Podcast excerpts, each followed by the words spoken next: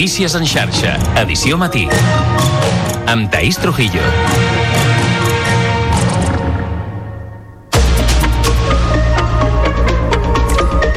Lleuger repunt dels contagis de VIH a Catalunya després d'una dècada amb tendència a la baixa.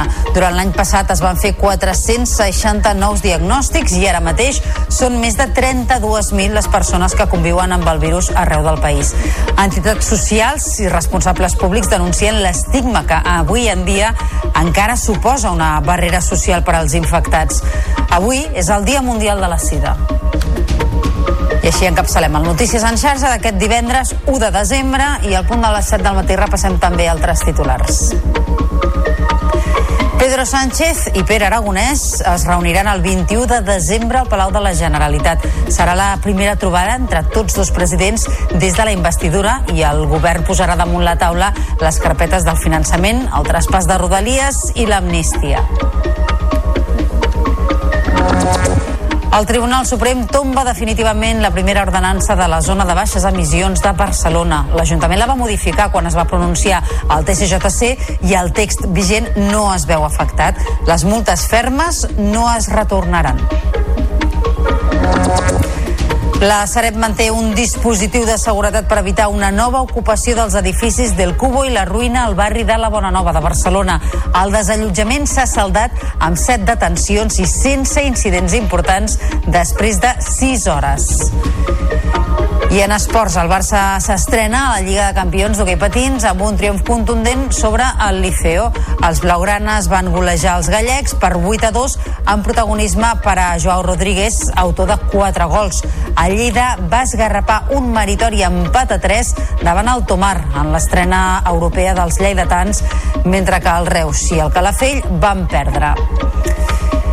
Ha un cultura fort accent català, les candidates als Goya 2024, 20.000 espècies d'abejas parteix com a favorita amb 15 nominacions i la segueix La Societat de la Nieve, del director barceloní Juan Antonio Bayona amb 13. Les cineastes Carla Simón i Neus Ballús també competiran per una estatueta. Els premis s'entregaran el 10 de febrer.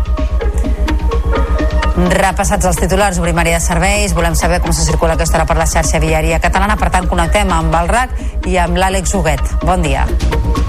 Molt bon dia. A aquesta hora parlem d'un matí sense incidències i, com sempre, els divendres hi ha menys moviment en general a la xarxa viària. Ara amb circulació intensa pràcticament sense aturades al Papiol en sentit sud, a l'AP7 o a l'enllaç de la B23 amb l'A2 a Sant Joan d'Espí i Cornellà de Llobregat en sentit Barcelona amb un tram també de dos quilòmetres. Eh, on sí que hi ha aturades ja és a les rondes de Barcelona en sentit Llobregat, sobretot a la B10, ara entre el tram del Fòrum i ben bé al Poble Nou amb 3 quilòmetres de cues i també a la ronda de dalt des de Santa Coloma de Gramenet i el Nus de la Trinitat fins a les primeres sortides de Roquetes i la Guinaueta. És tot des del RAC. Bon dia. I tanquem portada amb la previsió del temps. Uh, Lluís Miquel Pérez, molt bon dia. Bon dia, comença el desembre i ho fa amb temps regirat. De fet, al llarg d'aquest matí, encara suavitat, no ha baixat gaire la temperatura, però sí que els núvols aniran sent més abundants, aniran deixant també més pluja, sobretot a les comarques de Lleida i les del Pirineu, cota de neu molt alta, 2.600 metres. Aquesta tarda i vespre, aquesta nevada baixarà de cota cap als 1.300 metres, per tant, entra de cop l'aire fred. Aquesta tarda l'ambient s'acabarà fent molt fresquet a tot arreu i també la pluja continuarà caient, sobretot a cavall de les comarques de Girona i Barcelona, amb molt de vent, que entrarà per les comarques de Tarragona. El cap de setmana, sobretot, serà molt fresquet, amb gelades matinals a l'interior i també amb força vent, tant a l'Empordà com a gran part de Tarragona. Us seguirem a la xarxa. Notícies en xarxa, edició matí. Repunten una mica els contagis del VIH a Catalunya després d'haver anat clarament a la baixa en els darrers 11 anys. L'any passat es van diagnosticar 460 noves persones infectades amb el virus. Això és un centenar més que el 2021, però el Departament de Salut parla d'estabilització de la tendència decreixent. A Catalunya es calcula que més de 32.000 persones viuen amb el virus de la sida i responsables públics i entitats denuncien l'estigma que encara és una barrera social. Avui és el Dia Mundial de la Sida. Crònica de Maite Polo. El 80% dels nous infectats amb el VIH el 2022 són homes, però no tots són gais. 6 de cada 10 contagis han passat en relacions homosexuals i 3 de cada 10 en heterosexuals. Un residual 1% per via endovenosa. Hi ha hagut un augment del 33% dels nous casos l'últim any, però s'emmarca en una corba que pràcticament no ha deixat de baixar des del 2011.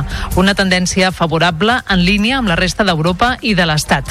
Tot i això, els responsables del sistema públic de salut continuen esforçant-se fins a erradicar la transmissió del virus. El subdirector general d'Addiccions i VIH de l'Agència de Salut Pública de Catalunya, Joan Colom, ho ha explicat a la xarxa. Respirar mai, perquè la nostra funció és estar sempre amatents i, a més a més, amb aquest objectiu que deia de màxims, d'aconseguir disminuir. Encara hi han 460 persones que s'infecten. Hem d'intentar aconseguir que això pràcticament sigui, estigui a zero. I, per tant, hem posat en marxa molts dispositius per poder-ho disminuir. Les eines més potents del Departament de Salut per lluitar contra els contagis són la detecció precoç i la píndola preventiva. Colom està convençut que Catalunya complirà els objectius 95-95-95 de l'Organització Mundial de la Salut per l'any 2025.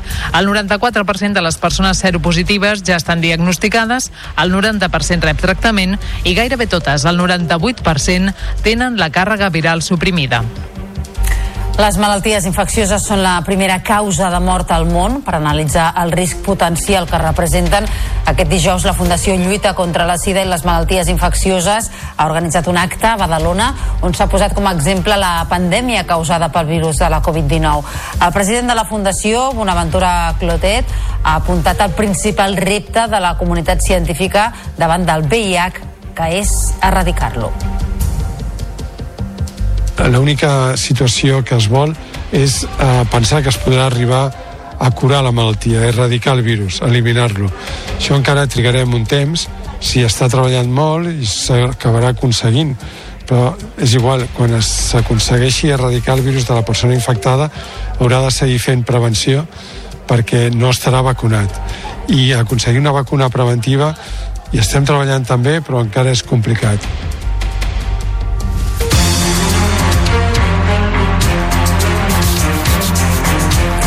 7 i 7 minuts ara del matí, el president de la Generalitat, Pere Aragonès, i el president del govern espanyol, Pedro Sánchez, es reuniran el dijous 21 de desembre al Palau de la Generalitat. Aquesta serà la primera trobada institucional entre els dos caps dels executius des que Sánchez ha estat investit de nou president del govern espanyol. La intenció de la Generalitat és arrencar les sessions de treball entre les dues administracions per tal d'avançar en les condicions que han fet possible l'acord. Laura Vilagrà és consellera de la presidència.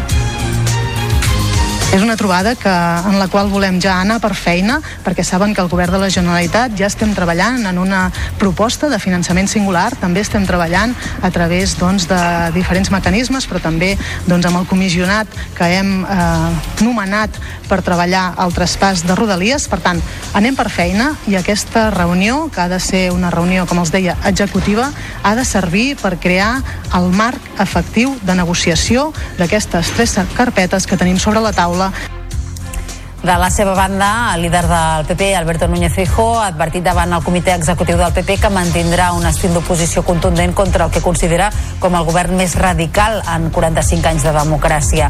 Ha qualificat eh, Sánchez de titella dels seus socis independentistes i ha exigit tots els detalls del preu que, al seu parer, s'acabarà pagant per tot allò que es negocia fora del Congrés. El gobierno está con ocultación, el gobierno está con vergüenza que nadie cuente conmigo para pasar esta humillación. En nombre de la mayoría de los españoles, exigimos conocer la verdad de dónde se está gobernando en España. ¿Por qué España tiene que negociar su futuro en el extranjero? ¿Quiénes son los mediadores? ¿Qué están negociando? ¿Y quién va a pagar lo que se está negociando fuera del Congreso y del Senado, incluso fuera del gobierno de nuestro país. Mentrestant, el ministre de la Presidència, Justícia i Relacions amb les Corts, Félix Bolaños, ha assegurat que Brussel·les no veu cap impediment en la llei d'amnistia que impulsa el govern espanyol. Ho ha afirmat després de reunir-se amb el comissari de Justícia, Didier Reinders. Sobre esta ley de amnistía, les tengo que decir que hay cero preocupación de la Comisión Europea sobre la salud y la fortaleza del Estado de Derecho y la separación de poderes en España. Cero preocupación. Cero. Ninguna. conocen perfectamente la proposición de ley que se presentó, saben que es una proposición de ley que es absolutamente conforme con la Constitución, con el sistema legal español, la Diputació de Barcelona compta amb un nou pressupost de 1.244 milions d'euros. És una xifra rècord que creix al 14% i que destinarà 8 de cada 10 euros directament als municipis. Els comptes s'han aprovat amb només un vot en contra. La presidenta de la Diputació de Barcelona, Lluïsa Moret, ha destacat que 50 dels 51 diputats hi han votat a favor. Iniciem un mandat amb aquesta voluntat, com sempre, de ser útil als municipis. Com sempre, donar resposta a les necessitats reals de les administracions locals, que són les més properes i les que coneixen amb més intensitat les, doncs, els problemes i els reptes que s'han d'afrontar des dels contextos locals. I hem demostrat que per sobre dels matisos i de les sigles, el primer de tot és la gent i els municipis. Han assegurat que són pressupostos plenament municipalistes perquè 8 de cada 10 euros van als ajuntaments i hi ha 25 milions perquè els municipis millorin la xarxa d'aigua. De fet, la Diputació s'ha compromès amb la Generalitat a lluitar contra la sequera. Posar al centre eh, doncs, acords i desplegar tot un seguit d'actuacions doncs, de forma articulada per eh, doncs, fer front a aquesta... Bueno, estem en situació de preemergència, però jo crec que és una emergència real. L'únic vot en contra ha estat el del diputat de Vox.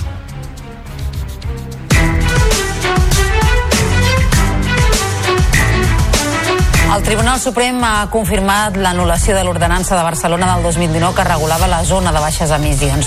D'aquesta manera es confirma la decisió inicial del Tribunal Superior de Justícia, però l'Ajuntament ja va actualitzar el text i va tornar a aprovar un redactat nou al gener del 2019 després de la primera sentència i aquest no quedaria afectat. De fet, la sentència no qüestiona la necessitat d'adoptar mesures per millorar la qualitat de l'aire. L'alt Tribunal Català argumentava que l'ordenança es va aprovar amb deficiències en la seva elaboració, falta d'informes determinants i un accés en l'àmbit geogràfic d'aplicació i en el tipus de vehicles exclosos. El consistori assegura que la sentència del Suprem no afecta les multes fermes interposades amb l'antiga ordenança. I les estacions d'esquí de la Molina i Buit a Ull seran aquest hivern al laboratori de proves d'una nova tecnologia pionera al món per produir neu de forma més sostenible davant l'actual situació de sequera que pateix el país. És un projecte que es preveu implementar a la resta d'estacions catalanes durant els propers 3 anys. Ens ho explica la nostra companya Carina Ballbú. Aquesta nova tecnologia pionera es basa en mineralitzar l'aigua amb un tipus de faldespat, un dels components del granit. Aquest mineral permet congelar l'aigua de forma més ràpida i a major temperatura. Això fa que redueixi d'un 25 a un 5% les necessitats d'aigua per crear neu i que s'utilitzi menys energia, que en aquest cas a més serà solar. Per tant, els promotors del projecte, que són Ferrocarrils Catalans i el CSIC, defensen que el procés és més sostenible que l'actual i que no malbarata aigua, ja que s'utilitzen les bases de les estacions on s'emmagatzema el desgel de les pistes. Toni Sant Martí és el director de FGC Turisme. L'aigua no la consumim, no la consumim, l'utilitzem. Simplement la canviem d'estat. La passem d'estat líquid a sòlid i de sòlid, quan es fon, a líquid Penseu que fem cada any, a l'entrada i la sortida, cada any fem anàlisi físico-químico-bacteriològic i no modifiquem l'aigua, surt igual. El projecte es testarà en pistes tancades al públic a les estacions de la Molina i Boguita Ull amb l'objectiu d'ampliar-ho a la resta d'estacions catalanes durant els propers 3 anys i que es pugui utilitzar també aquesta nova tecnologia a Espanya i l'estranger. I la nova temporada 2023-2024 d'esquí a la demarcació de Lleida es presenta amb optimisme entre tots els sectors implicats i amb l'objectiu d'igualar els resultats de l'any passat que van ser els millors de la història. Així, el Patronat de Turisme té l'objectiu d'arribar al milió i mig de forfets venuts. Ens ho expliquen des de Lleida TV. Per assolir aquest objectiu, el Patronat de Turisme considera que és important que el conjunt d'estacions puguin començar amb bones condicions de cara al pont de la Puríssima. L'optimisme que tenim en el Patronat del cara a la nova temporada també ve donat, sens dubte, a la rellevància de la nostra Pirineu com a referent turisme, de turisme d'hivern i de neu, com també al fet que el sector de l'esquí està incrementant des de la pandèmia cap aquí amb creixements de dos dígits. Les estacions d'esquí alpí nòrdic del Pirineu de Lleida tenen moltes ganes d'iniciar la temporada, però moltes estan pendents del cel i de les condicions meteorològiques. Bagueira Beret ha estat l'única en obrir el passat 25 de novembre. Boita Ull i Porta Inés han marcat el dia 5, però igual que la resta, tan bon punt sigui possible, obriran portes. Les inversions per a aquesta nova temporada han estat de 17,36 milions d'euros i la passada ha deixat un impacte econòmic directe de 280 milions. És ara un quart de vuit del matí. La Sareb ha desplegat un dispositiu de seguretat privada per evitar que el Cubo i la Ruïna al barri de la Bona Nova de Barcelona tornin a ser ocupats. També els Mossos d'Esquadra hi mantenen algunes dotacions. Un cos policial que ahir, amb un gran desplegament, va aconseguir desallotjar tots dos edificis en menys de 6 hores, sense incidents i amb només una agent ferida lleu. Hi ha, però, set detinguts. Es tracta de sis homes i una dona que s'estaven a l'interior dels immobles. Els Mossos els atribueixen delictes de resistència i desobediència i atemptat a l'autoritat. Montse Estruc és la comissària en cap de la regió policial metropolitana de Barcelona. El dispositiu ha, ha estat eh, un èxit en aquest sentit. I ara el que estem amatents és amb les possibles reaccions. I per tant no, no finalitza el dispositiu. És a dir, hem de continuar fent accions perquè mm, desconeixem què ens pot succeir a partir d'aquest moment. Mentrestant, a Santa Coloma de Gramenet, el desallotjament d'Estudi Nou en ple casc antic ha derivat en una manifestació a la tarda amb la participació d'unes 300 persones i que ha acabat amb aldarulls, trencadissa de vidres de comerços i contenidors tombats. La protesta ha quedat dispersada a quarts de 10 de la nit. Al matí, la desocupació s'ha allargat durant 9 hores sense incidents greus ni detinguts. Tot i això, una de les ocupes, que havia introduït un braç en un bidó de ciment i de ferralla per dificultar l'actuació policial, ha hagut de ser ingressada en un centre hospitalari per les ferides greus que li ha ocasionat aquesta acció. Avui divendres es presenta la xarxa de municipis contra l'abandonament escolar prematur. És una iniciativa promoguda per la Fundació Bofill que ha aconseguit sumar 80 ciutats catalanes amb una fita comuna. Aconseguir abandonament escolar zero. Un treball en xarxa que ha facilitat també l'elaboració d'una guia per fer front a l'abandonament escolar des de l'àmbit municipal. És una crònica d'Anna Ruiz. La política educativa de Viladecans ha atret l'atenció de la Fundació Bofill, que en col·laboració amb aquesta ciutat ha decidit impulsar la xarxa de municipis contra l'abandonament. Oh, amb aquesta sintonia de la Fundació Bofill estem creant una, una xarxa de ciutats catalana en principi, però amb vocació d'anar més enllà de ciutats que estan treballant en, aquesta, en aquest sentit contra l'abandonament prematur. Però la regidora d'Educació del municipi vol anar més enllà i elevar la lluita contra l'abandonament escolar a Europa. Europa ara mateix no té una directiva europea que obligui els estats membres eh, a treballar per un tema d'abandonament eh, escolar zero. Però volem traslladar aquesta, no, aquest, aquest neguito, aquesta necessitat a Europa. Un dels espais municipals, Can Calderón, acull un dels projectes educatius més recents a Viladecans. Es tracta de l'Escola de Noves Oportunitats. Darrere aquestes aules, nois i noies amb risc d'abandonar els estudis es prenen un temps de reflexió i reben atenció personalitzada. És una iniciativa transversal que suma diferents departaments del municipi, com ara el de formació i ocupació. Aquesta escola, a favor de les segones oportunitats entitats educatives adopta una pedagogia innovadora i actual, jocs de rol inclosos.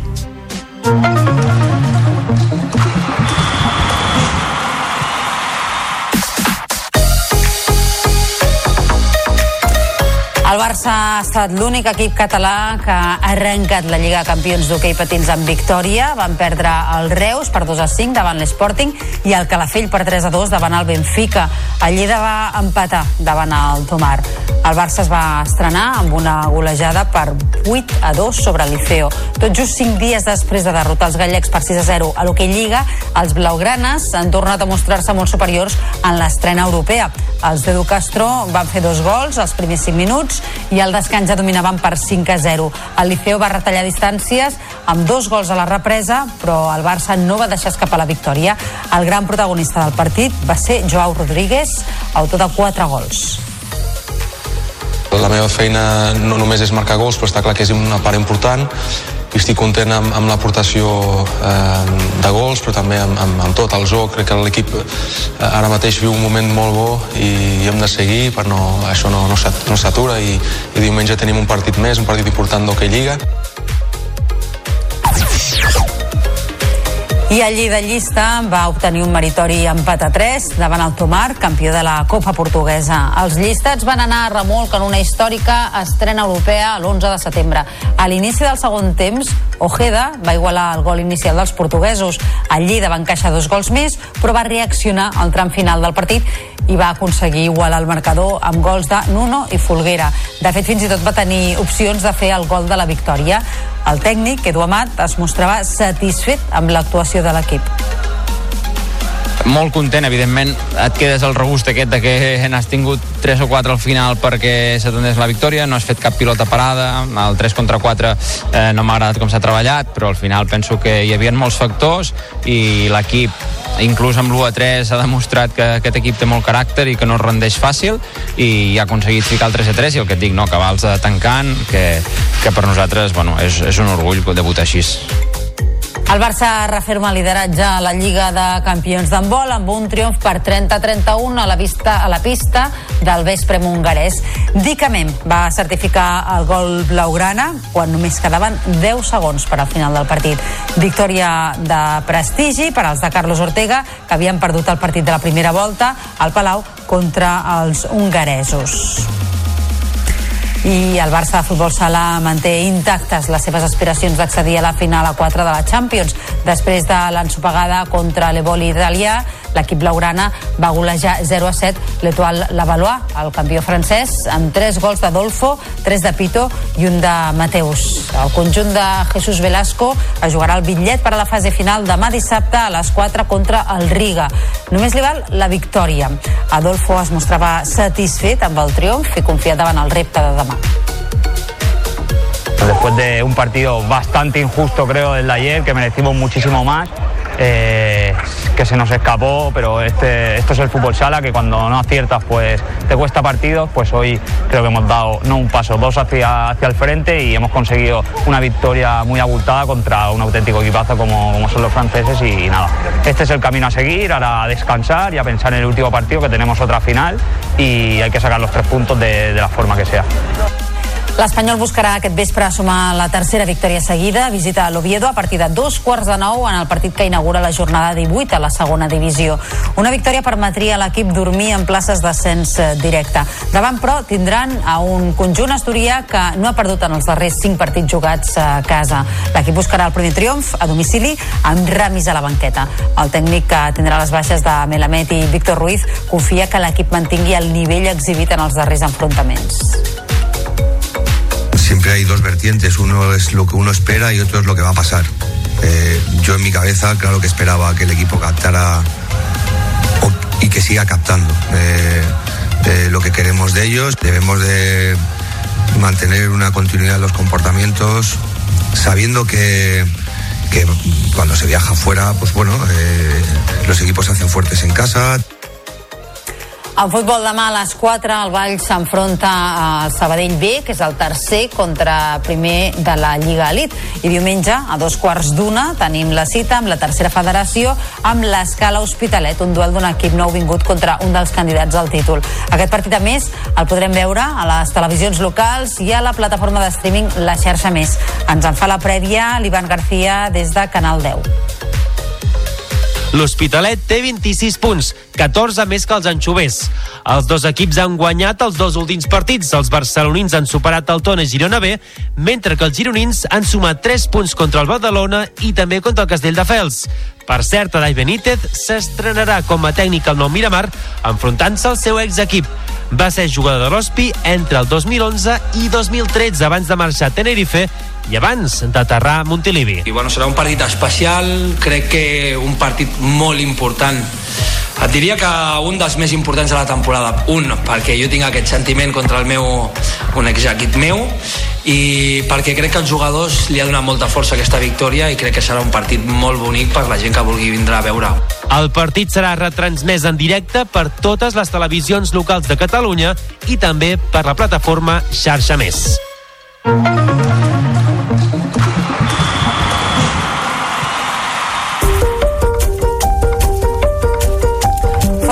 Petjada catalana entre les pel·lícules candidates als Goya 2024. Se n'han anunciat les nominacions i quatre dels cinc films amb més candidatures tenen participació del país. Ens ho explica el David Navarro. Així, la coproducció catalana 20.000 espècies d'abejas parteix com a favorita amb 15 nominacions. La segueix La Societat de la Nieve, del director barceloní Juan Antonio Bayona, amb 13. Cerrar los ojos, de Víctor Erice, opta a 11 estatuetes, igual que el biopic de l'humorista Eugenio, Saben aquell, dirigit per David Trueba. I el segueix el film Un amor, d'Isabel Cuixet, amb 7 nominacions. Els actors David Verdaguer i Enric Auqué opten al Goya a millor protagonista per Saben aquell i El mestre que va prometre el mar, i Laia Costa Costa a millor actriu per Un amor.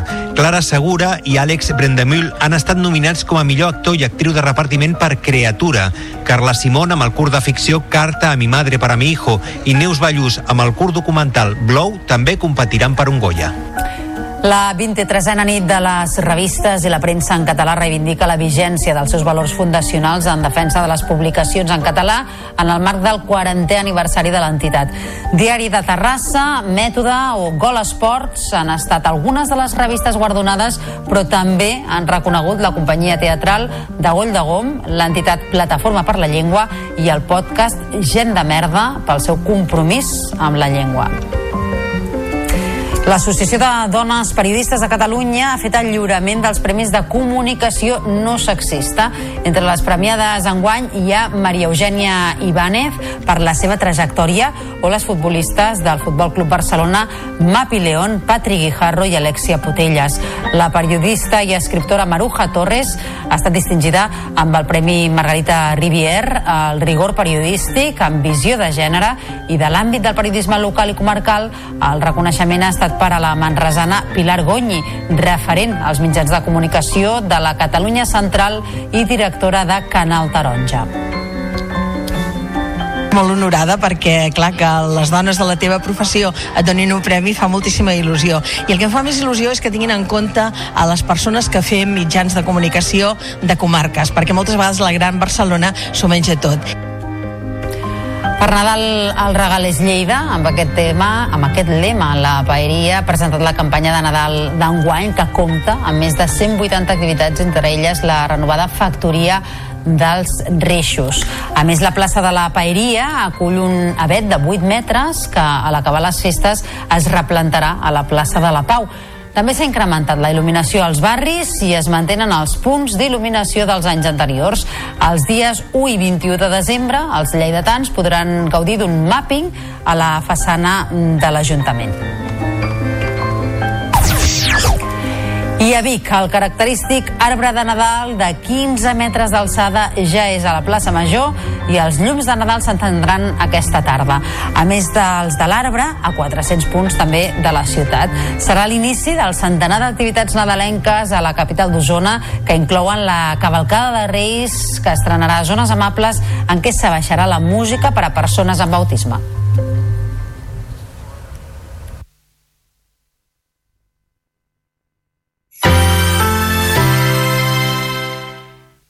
La xarxa de comunicació local. L'1 i 2 de desembre, l'OBC interpreta a l'auditori el poema sinfònic Till Oil Spiegel de Richard Strauss que narra les aventures d'un popular heroi rural. El programa també inclourà el brillant concert número 3 per piano de Beethoven que comptarà amb Luca de Bar com a solista. Entrades a auditori.cat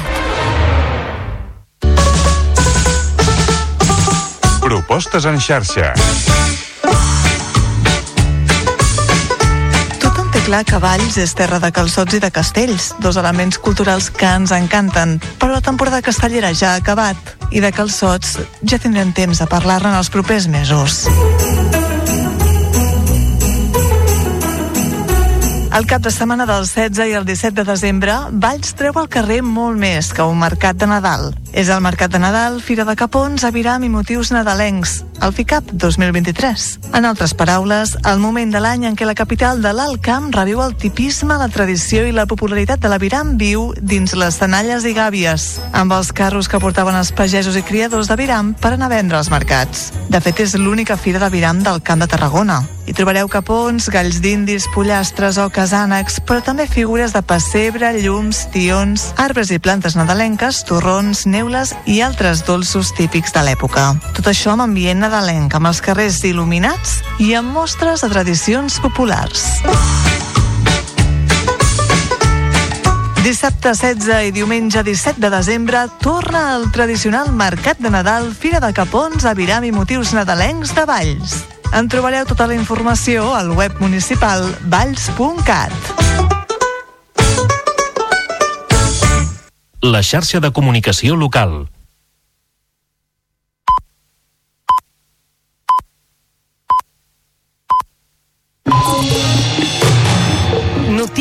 Xarxa, edició matí. Amb Taís Trujillo.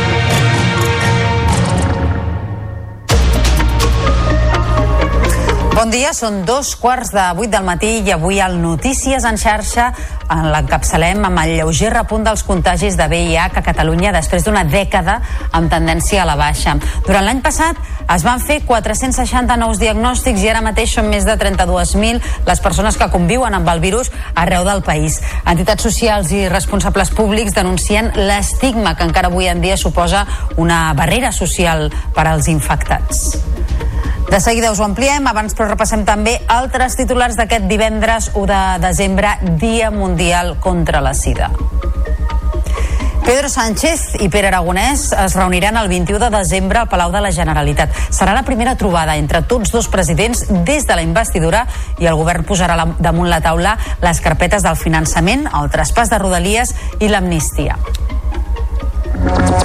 La Sareb manté un dispositiu de seguretat per evitar una nova ocupació dels edificis del Cubo i la Ruïna al barri de la Bonanova de Barcelona.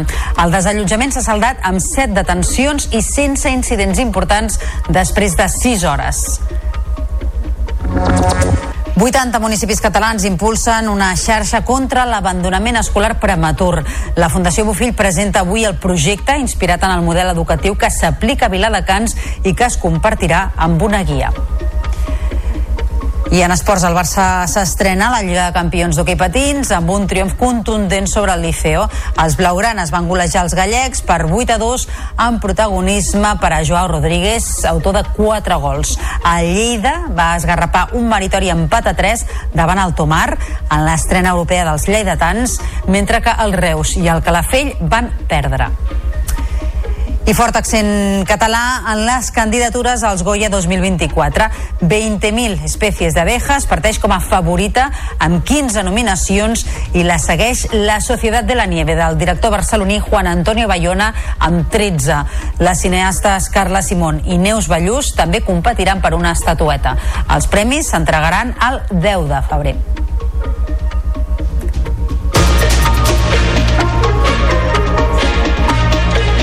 Notícies en xarxa, edició matí. Repunten una mica els contagis del VIH a Catalunya després d'haver anat clarament a la baixa en els darrers 11 anys. L'any passat es van diagnosticar 460 noves persones infectades amb el virus, que és un centenar més que el 2021, però el Departament de Salut parla d'estabilització de la tendència decreixent. Es calcula que a Catalunya més de 32.000 persones viuen amb la sida i responsables eh, públics i entitats denuncien l'estigma, que encara és una barrera social. Avui és el Dia Mundial de la Sida. Ens ho explica la Maite Polo. El 80% dels nous infectats amb el VIH el 2022 són homes, però no tots són gais. 6 de cada 10 contagis han passat en relacions homosexuals i 3 de cada 10 en heterosexuals. Un residual 1% per via endovenosa. Hi ha hagut un augment del 33% dels nous casos l'últim any, però s'emmarca en una corba que pràcticament no ha deixat de baixar des del 2011.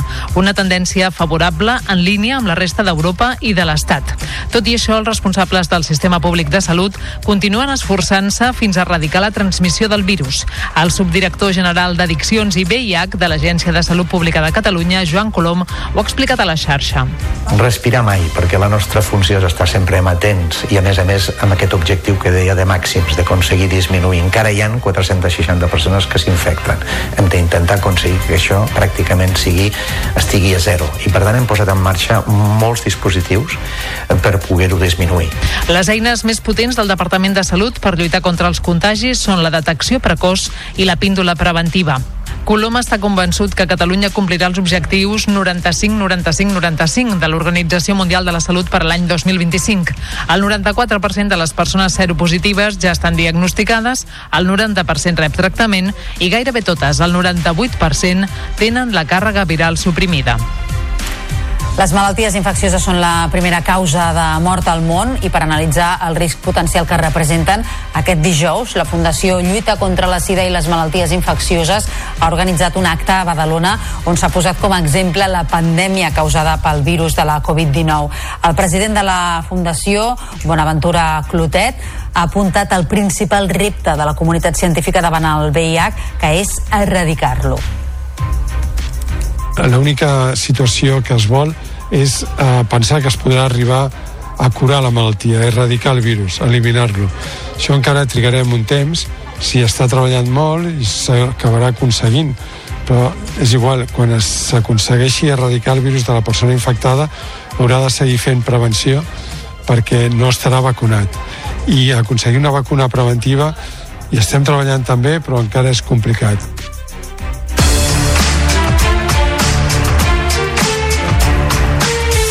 El president de la Generalitat, Pere Aragonès, i el president del govern espanyol, Pedro Sánchez, es reuniran el dijous 21 de desembre al Palau de la Generalitat. Aquesta serà la primera trobada institucional entre els dos caps dels executius des que Sánchez ha estat investit de nou president del govern espanyol. La intenció de la Generalitat és arrencar les sessions de treball entre les dues administracions per avançar en les condicions que han fet possible l'acord. Laura Vilagrà és consellera de la presidència. És una trobada que, en la qual volem ja anar per feina, perquè saben que el govern de la Generalitat ja estem treballant en una proposta de finançament singular, també estem treballant a través doncs, de diferents mecanismes, però també doncs, amb el comissionat que hem eh, nomenat per treballar el traspàs de Rodalies. Per tant, anem per feina i aquesta reunió, que ha de ser una reunió, com els deia, executiva, ha de servir per crear el marc efectiu de negociació d'aquestes tres carpetes que tenim sobre la taula taula.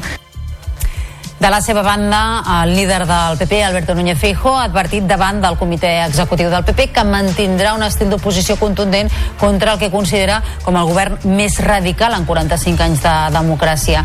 Ha qualificat Sánchez de titella dels seus socis independentistes i ha exigit tots els detalls del preu que, al seu parer, s'acabarà pagant per tot allò que es negocia fora del Congrés. El gobierno está con ocultación, el gobierno está con vergüenza, que nadie cuente conmigo para pasar esta humillación. En nombre de la mayoría de los españoles, exigimos conocer la verdad de dónde se está gobernando en España. ¿Por qué España tiene que negociar su futuro en el extranjero? ¿Quiénes son los mediadores? ¿Qué están negociando? ¿Y quién va a pagar lo que se está negociando fuera del Congreso y del Senado, incluso fuera del gobierno de nuestro país. Mentrestant, el ministre de la Presidència, Justícia i Relacions amb les Corts, Félix Bolaños, ha assegurat que Brussel·les no veu cap impediment en la llei d'amnistia que impulsa el govern espanyol. Ho ha afirmat després de reunir-se amb el comissari de Justícia, Didier Reinders sobre esta ley de amnistía, les tengo que decir que hay cero preocupación de la Comisión Europea sobre la salud y la fortaleza del Estado de Derecho y la separación de poderes en España. Cero preocupación. Cero. Ninguna. Conocen perfectamente la proposición de ley que se presentó, saben que es una proposición de ley que es absolutamente conforme con la Constitución, con el sistema legal español,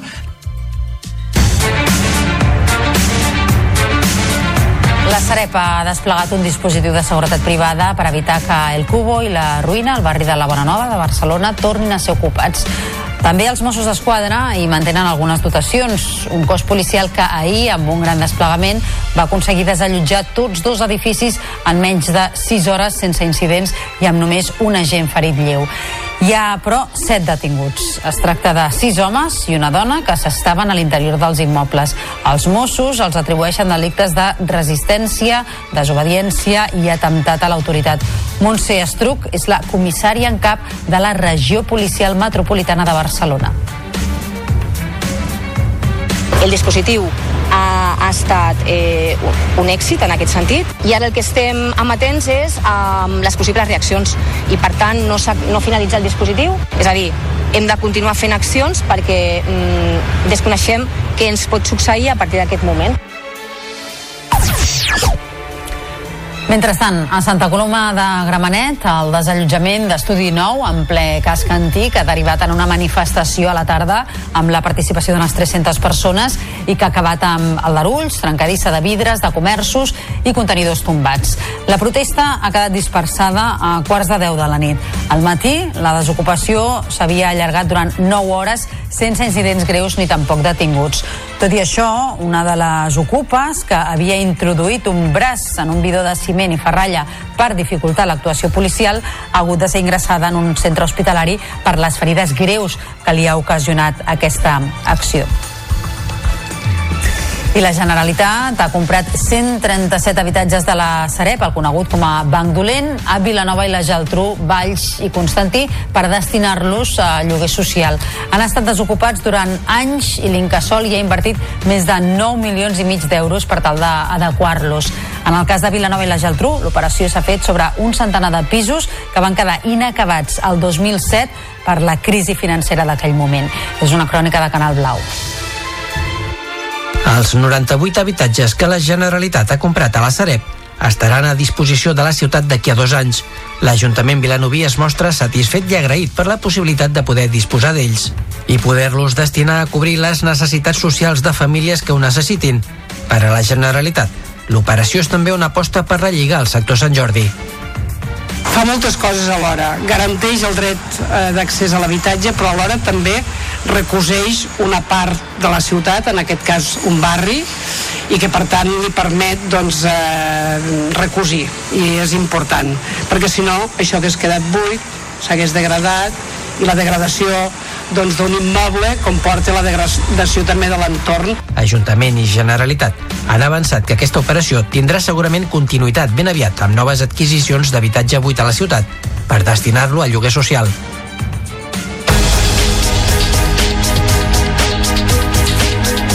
Divendres es presenta la xarxa de municipis contra l'abandonament escolar prematur. És una iniciativa promoguda per la Fundació Bofill que ha aconseguit sumar 80 ciutats catalanes amb una fita comuna, aconseguir abandonament escolar zero.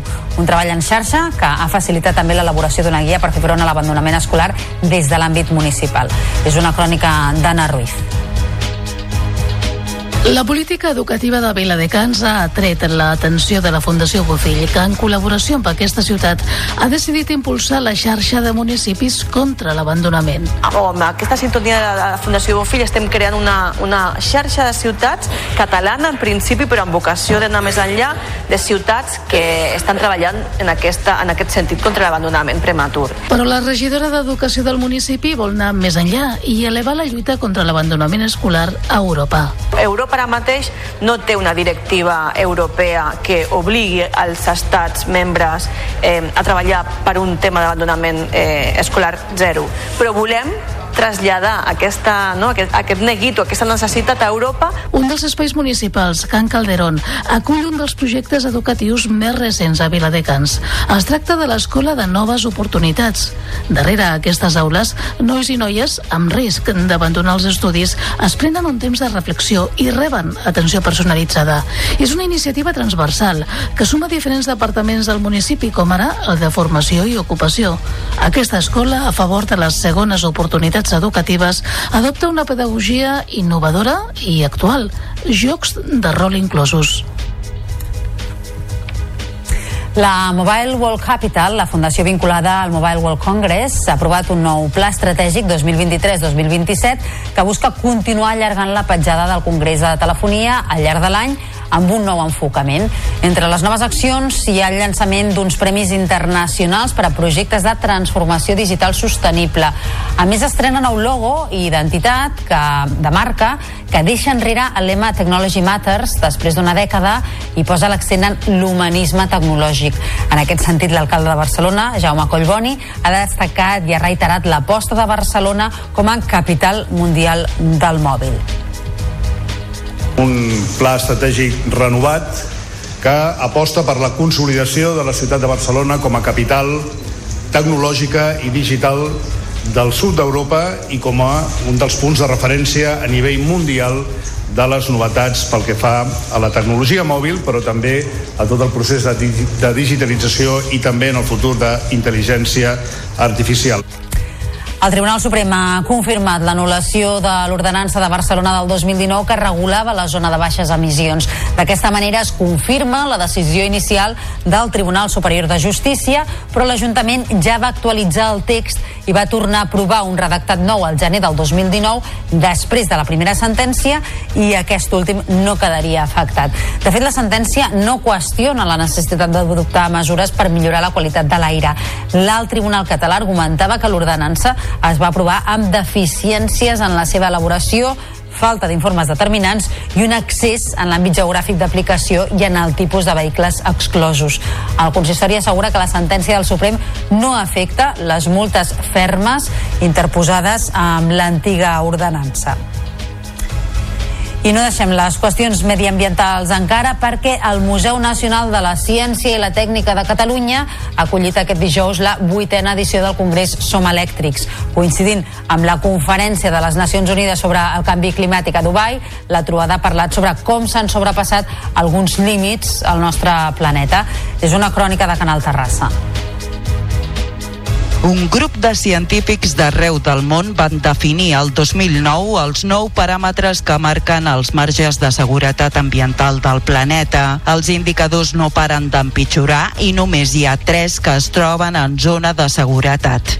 La capa d'ozó, l'acidificació dels oceans i les partícules a l'atmosfera, els aerosols. La resta, desforestació, canvi climàtic, biodiversitat, contaminació química i cicle de l'aigua ja han traspassat les línies vermelles. Un dels ponents, David Nogués Bravo, macroecòleg i professor de la Universitat de Copenhagen, ha assegurat que el límit de seguretat del canvi climàtic es va superar l'any 1998 i que és bàsic revertir el procés de desforestació però mantenint la biodiversitat per corregir-lo.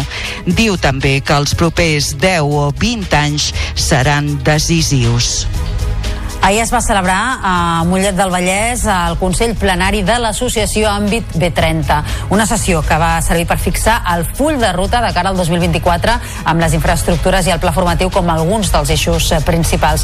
Ens ho expliquen des de Vallès Visió fer de l'àmbit B30 un dels territoris econòmics i industrials més potents del sud d'Europa. Sota aquesta premissa s'han trobat els membres de l'associació Àmbit B30 en aquest Consell Plenari.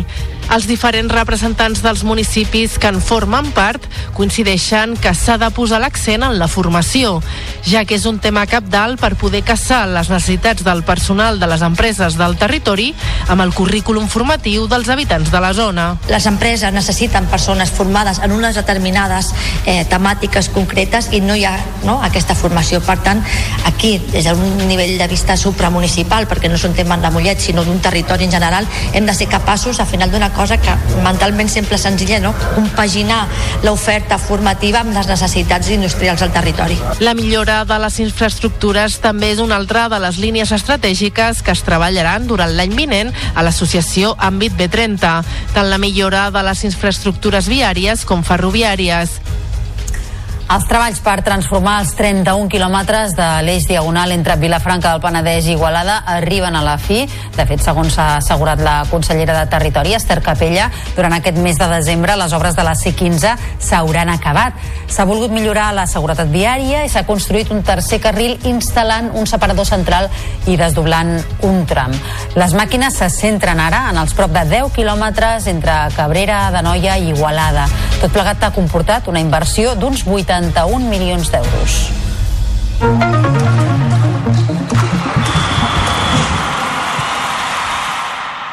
El Barça ha estat l'únic equip català que ha arrencat la Lliga de Campions d'hoquei patins amb victòria. Van perdre el Reus per 2 a 5 davant l'Sporting i el Calafell per 3 a 2 davant el Benfica.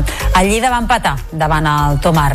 El Barça es va estrenar amb una golejada per 8 a 2 sobre el Liceo, tot just 5 dies després de derrotar els gallecs per 6 a 0 a l'Hockey Lliga, els blaugranes han tornat a mostrar-se molt superiors en l'estrena europea.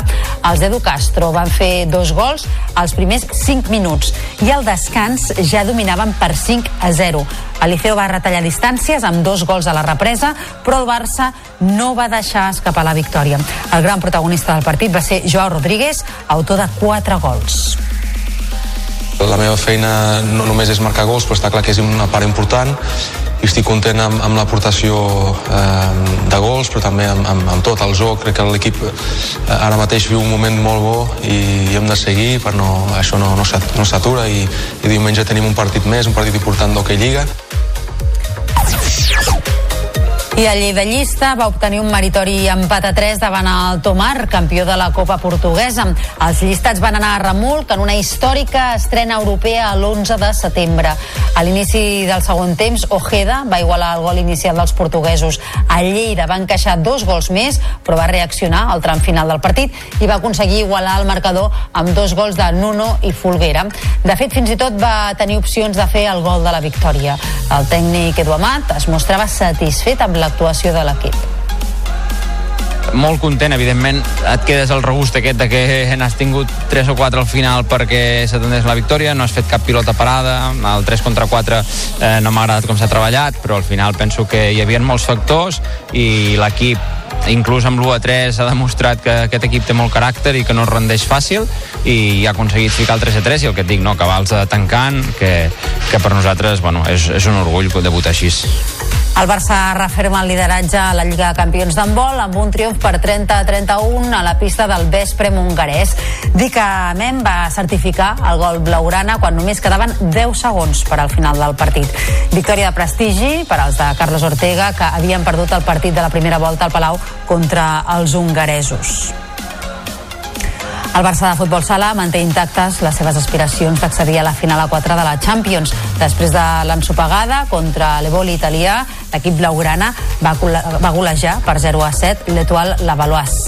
El campió francès amb 3 gols d'Adolfo, 3 de Pito i un de Mateus. El conjunt de Jesús Velasco jugarà el bitllet per a la fase final demà dissabte a les 4 contra el Riga. Només li val la victòria. Adolfo es mostrava satisfet amb el triomf i confiat davant el repte de demà. Después de un partido bastante injusto, creo, el de ayer, que merecimos muchísimo más, eh, que se nos escapó, pero este, esto es el fútbol sala, que cuando no aciertas, pues te cuesta partidos, pues hoy creo que hemos dado no un paso, dos hacia, hacia el frente y hemos conseguido una victoria muy abultada contra un auténtico equipazo como, como son los franceses y nada, este es el camino a seguir, ahora a descansar y a pensar en el último partido que tenemos otra final y hay que sacar los tres puntos de, de la forma que sea. L'Espanyol buscarà aquest vespre sumar la tercera victòria seguida, visitar l'Oviedo a partir de dos quarts de nou en el partit que inaugura la jornada 18 a la segona divisió. Una victòria permetria a l'equip dormir en places d'ascens directe. Davant, però, tindran un conjunt asturià que no ha perdut en els darrers cinc partits jugats a casa. L'equip buscarà el primer triomf a domicili amb remis a la banqueta.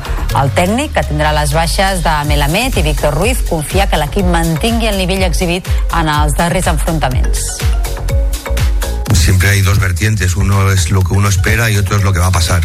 Eh, yo en mi cabeza, claro que esperaba que el equipo captara y que siga captando eh, eh, lo que queremos de ellos. Debemos de mantener una continuidad en los comportamientos, sabiendo que, que cuando se viaja fuera, pues bueno, los equipos se hacen fuertes en casa. El Barça de bàsquet rep aquest vespre a l'Esbel Villerban en partit de l'Eurolliga. Una victòria contra el penúltim classificat permetria als blaugranes atrapar al capdavant de la classificació al Real Madrid que ahir va perdre a la pista del Fenerbahce. Roger Grimau recupera Jokubaitis i Vesely. Abans d'aquest duel d'avui al Palau, Joel Parra, Òscar da Silva i Damsar van visitar els infants ingressats a l'Hospital de la Vall d'Hebron. Ho van fer juntament amb les jugadores Anna Cruz, Paula Guinzo i Jolene Anderson en el marc de la iniciativa Nadal tot l'any de la Fundació del Barça. I encara en bàsquet, dissabte a les 6 s'enfrontaran el Club Joventut Badalona i el Telenom Boet Mataró a la Lliga Femenina Challenge, la segona màxima categoria. Un partit que es podrà seguir per la xarxa. Ens ho expliquen els companys de la televisió de Mataró. Amb la permanència com a objectiu, el Telenom Boet està mostrant en les últimes jornades que s'ha adaptat a l'exigent categoria Lliga Femenina Challenge. L'equip ha aconseguit dues victòries, l'última davant el Cordà de Paterna i l'altra davant l'Estepona. Segons l'entrenador Enric Cervera, l'equip està preparat per lluitar durant cada jornada per complir l'objectiu de mantenir-se a Challenge. El nostre objectiu està clar que és la permanència. Per tant, tota victòria per nosaltres suma una barbaritat. Ja mateix estem un punt amb dos victòries, amb dos rivals a mitja taula dalt que les hem tingut, ara hem de ser capaços de treure les victòries contra els equips a baix. Dissabte, en directe per la xarxa, les mataronines es desplacen a Badalona per enfrontar-se a la penya. El joventut és quart a la classificació amb 7 victòries. La nord-americana Tani Mayo i la maliana Alina Dembélé són dues jugadores verd i negres que estan destacant.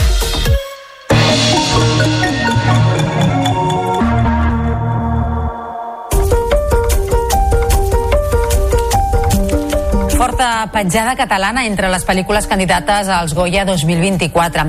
Avui se n'han anunciat les nominacions i quatre dels cinc films amb més candidatures tenen participació del país.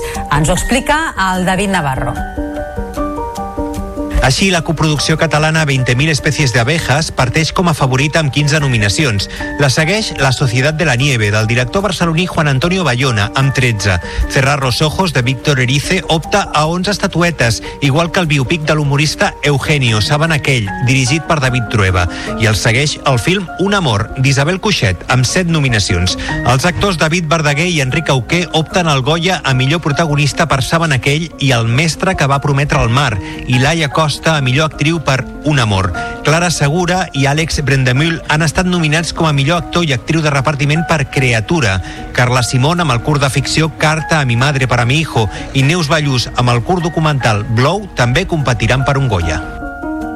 L'Associació de Dones Periodistes de Catalunya ha fet el lliurament dels Premis de Comunicació no sexista. Entre les premiades, enguany, hi ha les futbolistes del Futbol Club Barcelona, Mapi León, Patri Guijarro i Alexia Putelles. De l'àmbit del periodisme local i comarcal, el reconeixement ha estat per a la manresana Pilar Gonyi, referent en els mitjans de comunicació de la Catalunya Central i directora de Canal Taronja.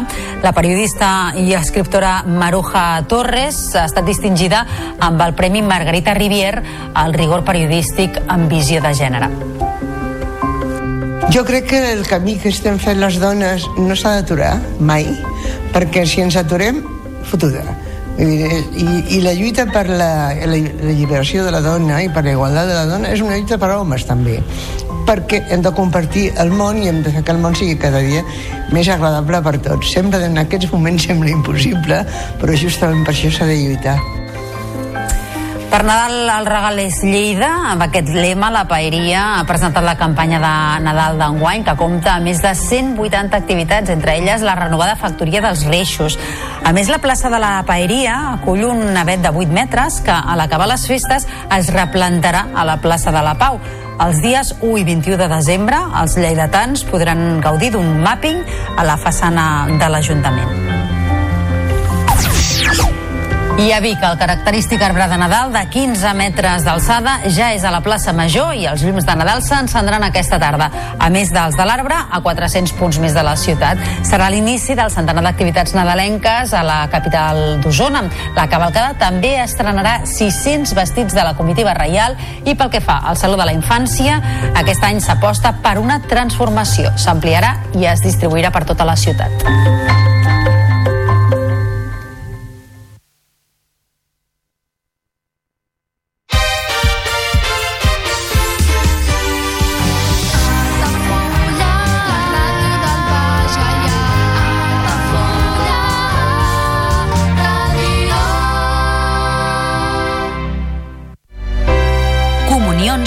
2024. Dates ja disponibles amb sales privades, jardí, pàrquing privat i la millor gastronomia. Més informació i reserves al 977 65 11 55 i a comercial arroba altafullamarotel.com o al web altafullamarotel.com. Les teves celebracions familiars a l'Altafulla Mar Hotel.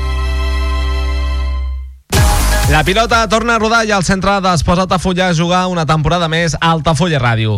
Els groc i negre reben el Cunit, el Joan Pijuan, en l'objectiu de sumar la quarta victòria seguida per ratificar el bon moment pel qual travessen i seguir escalant posicions en la classificació. Aquest dissabte, a partir de les 4 de la tarda, segueix el partit en directe a través del 107.4 de la freqüència modulada, al web 3 www.altafullaradio.cat, l'aplicació per a dispositius mòbils o la televisió digital terrestre.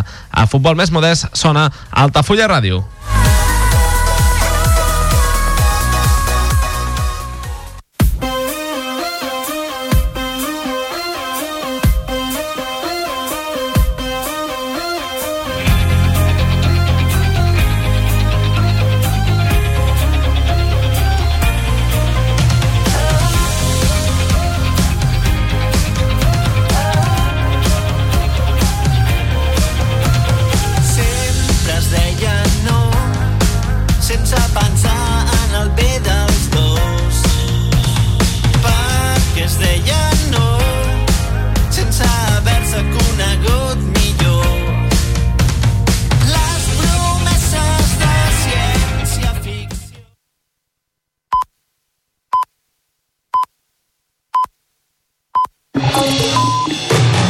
Notícies en xarxa, edició matí.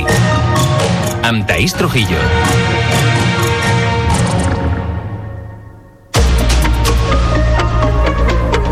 Bon dia, lleuger repunt dels contagis de VIH a Catalunya després d'una dècada amb tendència a la baixa. Durant l'any passat es van fer 460 nous diagnòstics i ara mateix són més de 32.000 les persones que conviuen amb el virus arreu del país. Entitats socials i responsables públics denuncien l'estigma que encara avui en dia suposa una barrera social per als infectats. Avui és el Dia Mundial de la Sida. I així encapçalem el Notícies en xarxa d'aquest divendres 1 de desembre i al punt de les 8 del matí repassem també altres titulars. Pedro Sánchez i Pere Aragonès es reuniran el 21 de desembre al Palau de la Generalitat. Serà la primera trobada entre tots dos presidents des de la investidura i el govern posarà damunt la taula les carpetes del finançament, el traspàs de rodalies i l'amnistia. La Sareb manté un dispositiu de seguretat per evitar una nova ocupació dels edificis del Cubo i la Ruïna al barri de la Bonanova de Barcelona. El desallotjament s'ha saldat amb set detencions i sense incidents importants després de 6 hores. 80 municipis catalans impulsen una xarxa contra l'abandonament escolar prematur. La Fundació Bofill presenta avui el projecte inspirat en el model educatiu que s'aplica a Viladecans i que es compartirà amb una guia. En esports, el Barça s'estrena a la Lliga de Campions d'hoquei patins amb un triomf contundent sobre el Liceo. Els blaugranes van golejar els gallecs per 8 a 2 amb protagonisme per a Joao Rodríguez, autor de 4 gols. El Lleida va esgarrapar un meritori empat a 3 davant el Tomar en l'estrena europea dels lleidatans, mentre que el Reus i el Calafell van perdre. I en cultura fort accent català en les candidates als Goya 2024. 20.000 espècies d'abejas parteix com a favorita amb 15 nominacions i la segueix La Societat de la Nieve del director barceloní Juan Antonio Bayona amb 13. Les cineastes Carla Simón i Neus Ballús també competiran per una estatueta. Els premis s'entregaran el 10 de febrer. Repassats els titulars, ara Aurimària de Serveis. Volem saber com se circula aquesta hora per la xarxa viària catalana. Per tant, connectem amb el Servei Català de Trànsit i amb la Marta Carbó. Bon dia. Hola, molt bon dia. Doncs aquesta hora un accident a la C-17 a Parets del Vallès eh, en sentit nord. Els vehicles estan al voral. Provoca problemes tant a la C-33 com a l'autopista P7 per enllaçar amb aquesta C-17. D'altra banda, destacar cues habituals als accessos de Barcelona, avui amb menys volum de trànsit al ser divendres, però també hi ha retencions a la C58 entre Montcada i el nus de la Trinitat d'entrada a Barcelona, a l'alçada de Ripollet en sentit nord, en sentit Terrassa, a la B30 lateral de l'autopista P7 a Barberà en tots dos sentits de la circulació, a la B23 eh, Molins de Rei per enllaçar amb l'autovia 2 en direcció a Barcelona. A la mateixa A2 hi ha cues entre Sant Vicenç dels Horts i Cornellà en direcció a les rondes i pel que fa a les rondes hi ha cues especialment en sentit eh, Llobregat, a la ronda litoral entre el Fòrum i la Barceloneta i a la ronda de dalt entre Horta i Sant Gervasi. De moment això és tot, ens de trànsit. Molt bon dia. I tanquem portada ara amb la previsió del temps. Eh, Lluís Miquel Pérez, molt bon dia. Aquest cap de setmana baixen les temperatures, eh? Així és, bon dia, Taís. De fet, avui anirem sentint aquesta davallada del mercuri. A hores d'ara no gaire, perquè la veritat és que aquest matí encara aguantarà l'ambient més aviat suau. Arran de Mar hi ha molts valors a hores d'ara de 16 a 17 graus, però ja serà a partir del migdia quan comenci a refrescar d'una forma evident. Aquest matí ja, amb aquesta pluja que va caient en forma doncs, extensa i insistent a les comarques de Lleida, sobretot és el Pirineu Lleidatà on està plovent més. La cota de neu està pels núvols, 2.600 metres, per tant hi haurà una bona crescuda dels rius com per exemple el Segre o la Noguera Pallaresa i Ribagorçana. Ja han caigut més de 100 litres per metre quadrat les últimes 24 hores a Capdella, per exemple, a la capçalera de la Vall Fosca. Aquesta pluja aquest migdia i tarda s'estendrà gairebé tot el país. On plourà més serà les comarques de Girona, Barcelona i la Catalunya central. Molt poquet, la veritat, caurà a les Terres de l'Ebre i també a Tarragona en general. També s'ha de dir que la pluja que caurà aquesta tarda a Barcelona o Girona no serà res de l'altre món. I la cota de neu baixarà. Aquesta propera nit més aviat baixarà als 1.300 300 metres, però alhora deixarà de nevar. El cap de setmana, doncs el que comentem, força més fred, també força més vent a les comarques tarragonines i de pluja en tindrem només demà a la tarda i vespre algun ruixadet entre les comarques del nord de Barcelona i sud de Girona, però bàsicament el cap de setmana d'un bon jersei. N'estarem pendents a la xarxa. Notícies en xarxa, edició matí. Repunten una mica els contagis del VIH a Catalunya després d'haver anat clarament a la baixa en els darrers 11 anys. L'any passat es van fer 460 nous diagnòstics, un centenar més que el 2021, però el Departament de Salut parla d'estabilització de la tendència decreixent. Les dades s'han difós amb motiu del Dia Mundial de la Sida que se celebra avui. A Catalunya es calcula que més de 32.000 persones tenen el virus i gairebé totes reben tractament, tot i que continuen patint en molts aspectes discriminació per un estigma social. El subdirector general d'Addiccions i VIH de l'Agència de Salut Pública de Catalunya, Joan Colom, ha assegurat a la xarxa que l'objectiu dels responsables del sistema públic de salut és acabar amb els contagis respirar mai, perquè la nostra funció és estar sempre amatents i a més a més amb aquest objectiu que deia de màxims d'aconseguir disminuir. Encara hi han 460 persones que s'infecten. Hem d'intentar aconseguir que això pràcticament sigui, estigui a zero i per tant hem posat en marxa molts dispositius per poder-ho disminuir. I com cada primer de desembre es desplegaran aquest matí els tradicionals tapissos en record de les víctimes de la sida a les façanes del Palau de la Generalitat i de l'Ajuntament de Barcelona. Es donarà així inici a un acte institucional per commemorar el Dia Mundial d'aquesta malaltia. Els tapissos, recordem, són confeccions tèxtils que van crear amics i familiars de les persones que van morir en plena pandèmia del VIH als anys 80 i 90 i s'exposen per fer una crida a la consciència i combatre l'estigma social. Allà, a la plaça de Sant Jaume de Barcelona, hi ha els nostres companys de la xarxa, Albert Matilló i Maite Polo. Maite, molt bon dia. A quina hora s'han de desplegar aquests tapissos? Bon dia, doncs l'hora oficial de desplegament dels tapissos és les 8.30 per donar així l'acte d'inici, per donar el moment d'inici a l'acte institucional que es farà dins del Palau de la Generalitat, però el cert és que a aquesta hora estan desplegant amb proves el tapís a la façana de l'Ajuntament barceloní. Són colors que recorden les víctimes mortals a Catalunya van ser 10.000 en aquella pandèmia que va castigar doncs, gran part del continent als anys 80 i 90 i per això va ser projecte dels noms aquesta ONG qui va importar-lo directament de San Francisco dels Estats Units l'any 1987, projecte dels noms com aquest, José Fernández, Manfred, etc etc. Cadascun d'ells doncs, morts per al VIH, un virus no controlat i que ara mateix acaba de causar 460 noves infeccions a Catalunya. Són dades del 2022, oficials del Departament de Salut, i tenim nosaltres el Ferran Pujol, director de projecte dels noms Hispanocida, també director del Centre de Barcelona Checkpoint. Bon dia, Ferran. Hola, molt bon dia. 460 persones amb la infecció que se sàpiga diagnosticades des de l'any passat. Són moltes, és preocupant?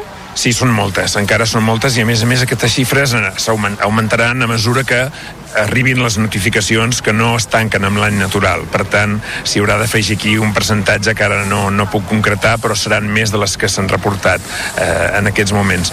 Eh, això és degut a que la incidència del VIH a casa nostra encara és massa alta.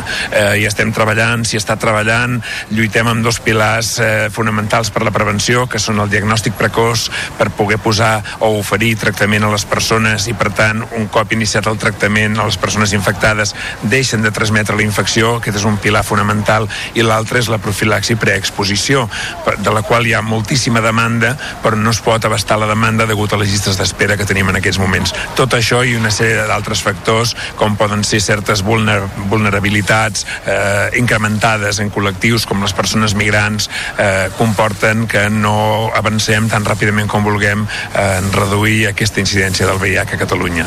La profilaxi preexposició és la coneguda com a píndola PrEP. Quantes persones hi ha al Barcelona Checkpoint que l'esperen perquè us diuen que estan tenint conductes de risc?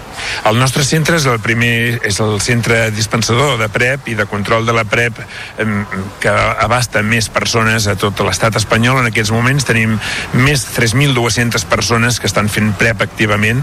Aquestes persones no se'ns infecten, evidentment, perquè la PrEP és molt efectiva i a més a més la fan molt correctament la immensa majoria d'elles. El problema és que en tenim prop de 3.000 més en llista d'espera, només en el nostre centre. És dir, 3.000 persones més només al nostre centre que estan disposades, que no se les ha de convèncer, que tenen intenció de fer PrEP i que tenen una mitjana d'espera de 14 mesos, mesos per poder-hi accedir. Aquesta situació es repeteix en tots els altres centres dispensadors més o menys eh, de la mateixa manera. No puc concretar quantes persones hi ha en total a Catalunya en llista d'espera, però si, els, hi- si les poguéssim oferir PrEP a totes elles perquè comencessin ja, és evident que veuríem un impacte importantíssim en aquesta in- incidència que avui per avui encara és massa alta.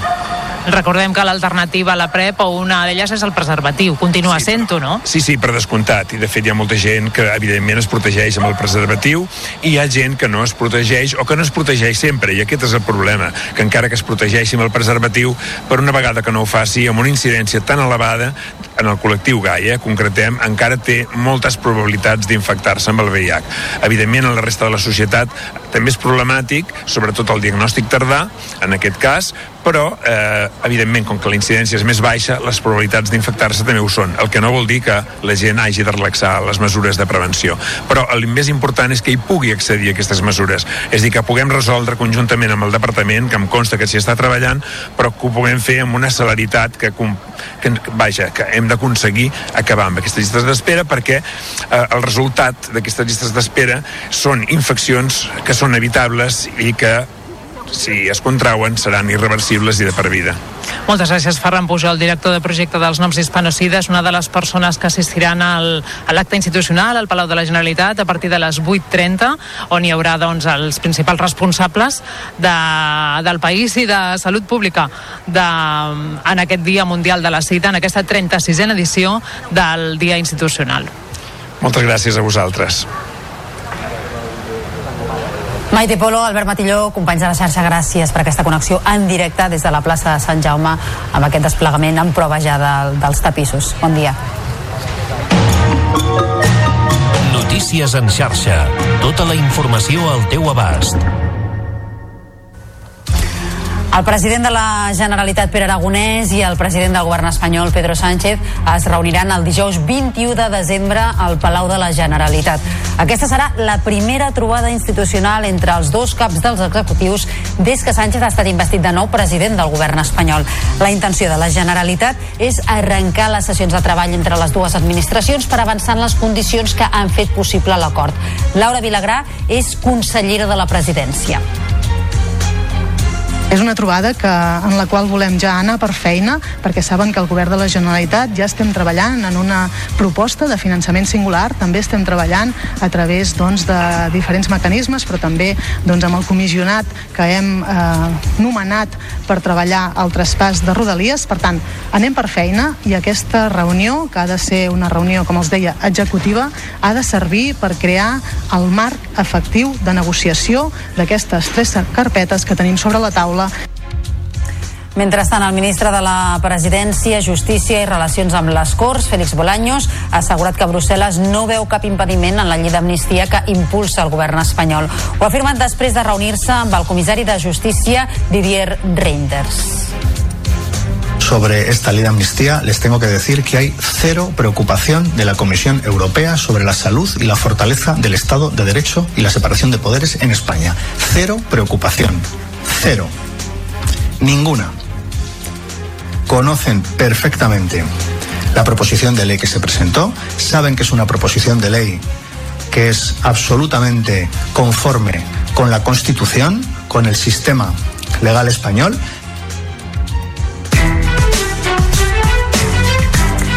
Pràcticament un quart de nou del matí, falten dos minuts. La Sareb ha desplegat un dispositiu de seguretat privada per evitar que el Cubo i la Ruïna, al barri de la Bonanova de Barcelona, tornin a ser ocupats. També els Mossos d'Esquadra hi mantenen algunes dotacions.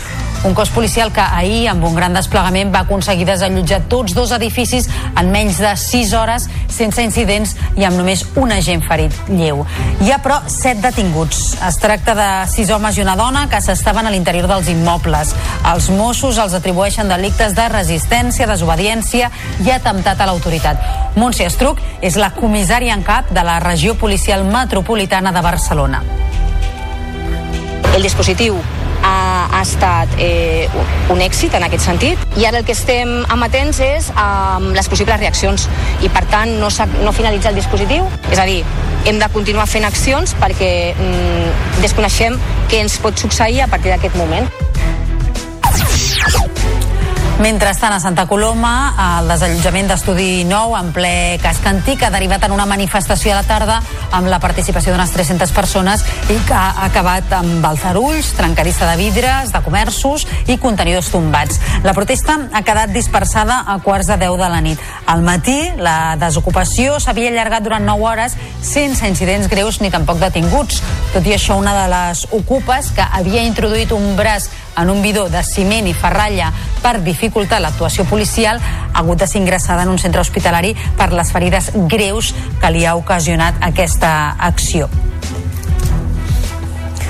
Avui divendres es presenta la xarxa de municipis contra l'abandonament escolar prematur, una iniciativa promoguda per la Fundació Bofill que ha aconseguit sumar 80 ciutats catalanes amb una fita comuna, aconseguir abandonament escolar zero. Un treball en xarxa que ha facilitat també l'elaboració d'una guia dins de l'àmbit municipal. És una crònica d'Anna Ruiz. La política educativa de Viladecans ha atret l'atenció de la Fundació Bofill, que en col·laboració amb aquesta ciutat ha decidit impulsar la xarxa de municipis contra l'abandonament. amb aquesta sintonia de la Fundació Bofill estem creant una, una xarxa de ciutats catalana en principi però amb vocació d'anar més enllà de ciutats que estan treballant en, aquesta, en aquest sentit contra l'abandonament prematur. Però la regidora d'Educació del municipi vol anar més enllà i elevar la lluita contra l'abandonament escolar a Europa. Europa ara mateix no té una directiva europea que obligui als estats membres eh, a treballar per un tema d'abandonament eh, escolar zero, però volem traslladar aquesta, no, aquest, aquest neguit o aquesta necessitat a Europa Un dels espais municipals, Can Calderón, acull un dels projectes educatius més recents a Viladecans. Es tracta de l'Escola de Noves Oportunitats. Darrere aquestes aules, nois i noies amb risc d'abandonar els estudis es prenen un temps de reflexió i reben atenció personalitzada. És una iniciativa transversal que suma diferents departaments del municipi, com ara el de formació i ocupació. Aquesta escola, a favor de les segones oportunitats educatives, adopta una pedagogia innovadora i actual, jocs de rol inclosos.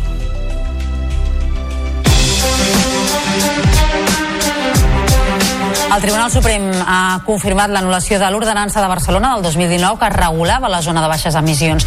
D'aquesta manera es confirma la decisió inicial del Tribunal Superior de Justícia, però l'Ajuntament ja va actualitzar el text i va tornar a aprovar un redactat nou al gener del 2019, després de la primera sentència, i aquest últim text no quedaria afectat. De fet, la sentència no qüestiona la necessitat d'adoptar mesures per millorar la qualitat de l'aire. L'alt Tribunal català argumentava que l'ordenança es va aprovar amb deficiències deficiències en la seva elaboració, falta d'informes determinants i un excés en l'àmbit geogràfic d'aplicació i en el tipus de vehicles exclosos. El consistori assegura que la sentència del Suprem no afecta les multes fermes interposades amb l'antiga ordenança. Les estacions d'esquí de La Molina i Boita-Ull seran aquest hivern el laboratori de proves d'una nova tecnologia pionera al món per produir neu de forma més sostenible davant l'actual situació de sequera que pateix el país. És un projecte que es preveu implementar a la resta d'estacions catalanes durant els propers 3 anys. Ens ho explica la Carina Vallvé. Aquesta nova tecnologia pionera es basa en mineralitzar l'aigua amb un tipus de faldespat, un dels components del granit. Aquest mineral permet congelar l'aigua de forma més ràpida i a major temperatura. Això fa que redueixi d'un 25 a un 5% les necessitats d'aigua per crear neu i que s'utilitzi menys energia, que en aquest cas a més serà solar. Per tant, els promotors del projecte, que són Ferrocarrils Catalans i el CSIC, defensen que el procés és més sostenible que l'actual i que no malbarata aigua, ja que s'utilitzen les bases de les estacions on s'emmagatzema el desgel de les pistes. Toni Sant Martí és el director de FGC Turisme. L'aigua no la consumim, no la consumim, l'utilitzem. Simplement la canviem d'estat. La passem d'estat líquid a sòlid i de sòlid, quan es fon, a líquid. Penseu que fem cada any a l'entrada i la sortida, cada any fem anàlisis físico-químico-bacteriològic i no modifiquem l'aigua. Surt igual. El projecte es tastarà en pistes tancades al públic a les estacions de La Molina i Boita-Ull amb l'objectiu d'ampliar-ho a la resta d'estacions catalanes durant els propers 3 anys i que es pugui utilitzar també aquesta nova tecnologia a Espanya i l'estranger.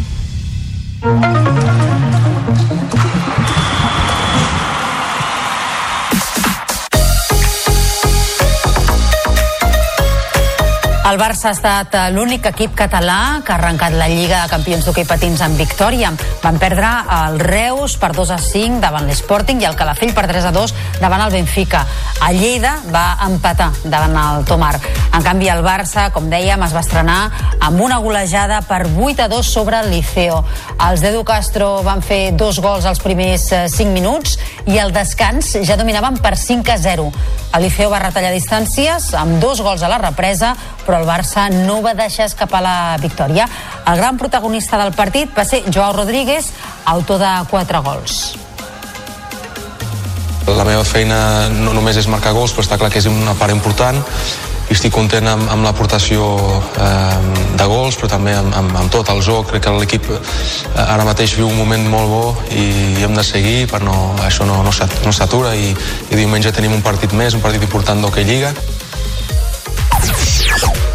I el Lleida Llista va obtenir un meritori empat a 3 davant el Tomar, campió de la Copa Portuguesa.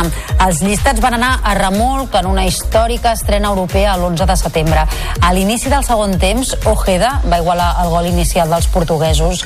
El Lleida va encaixar dos gols més, però va reaccionar al tram final del partit i va aconseguir igualar el marcador amb gols de Nuno i Folguera. De fet, fins i tot va tenir opcions de fer el gol de la victòria. I després del debut a la Champions amb victòria contra el Liceo aquest dijous al Palau, el Barça, líder de la Parlem Hockey Lliga, visita un Caldes que no acaba de trobar la regularitat en un partit que veurem diumenge a les 4 de la tarda al programa de la xarxa en joc. Ens ho explica en Niqui Güell de BOTV. El rec amb les arcaldes s'exercitava aquest dijous a la tarda amb la vista posada al proper partit de la Parlem Hockey Lliga.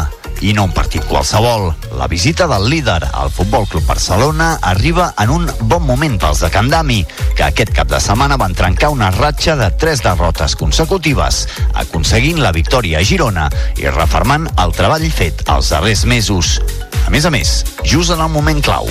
Bàsicament és un tema de, de moral, de moral cap al grup i sí, és una tranquil·litat i confiança després d'una setmana, bueno, ara ve aquesta setmana amb els tres últims partits abans d'acabar l'any que ven tots acumulats en diumenge, dimecres, dissabte i sí, clar, els tres punts de Girona més penso que treballats i van fer equip i van veure tot el grup doncs, remant a la mateixa direcció. L'equip espera amb ganes la visita blaugrana conscient del que generen aquest tipus de partits entre la seva gent. Els calderins volen una torre roja plena i esperen respondre amb bon joc i espectacle. El Barça referma lideratge a la Lliga de Campions d'handbol amb un triomf per 30 a 31 a la pista del Vespre hongarès. Vicament va certificar el gol blaugrana quan només quedaven 10 segons per al final del partit. Victòria doncs, de prestigi per als de Carlos Ortega que havien perdut el partit de la primera volta al Palau contra els hongaresos.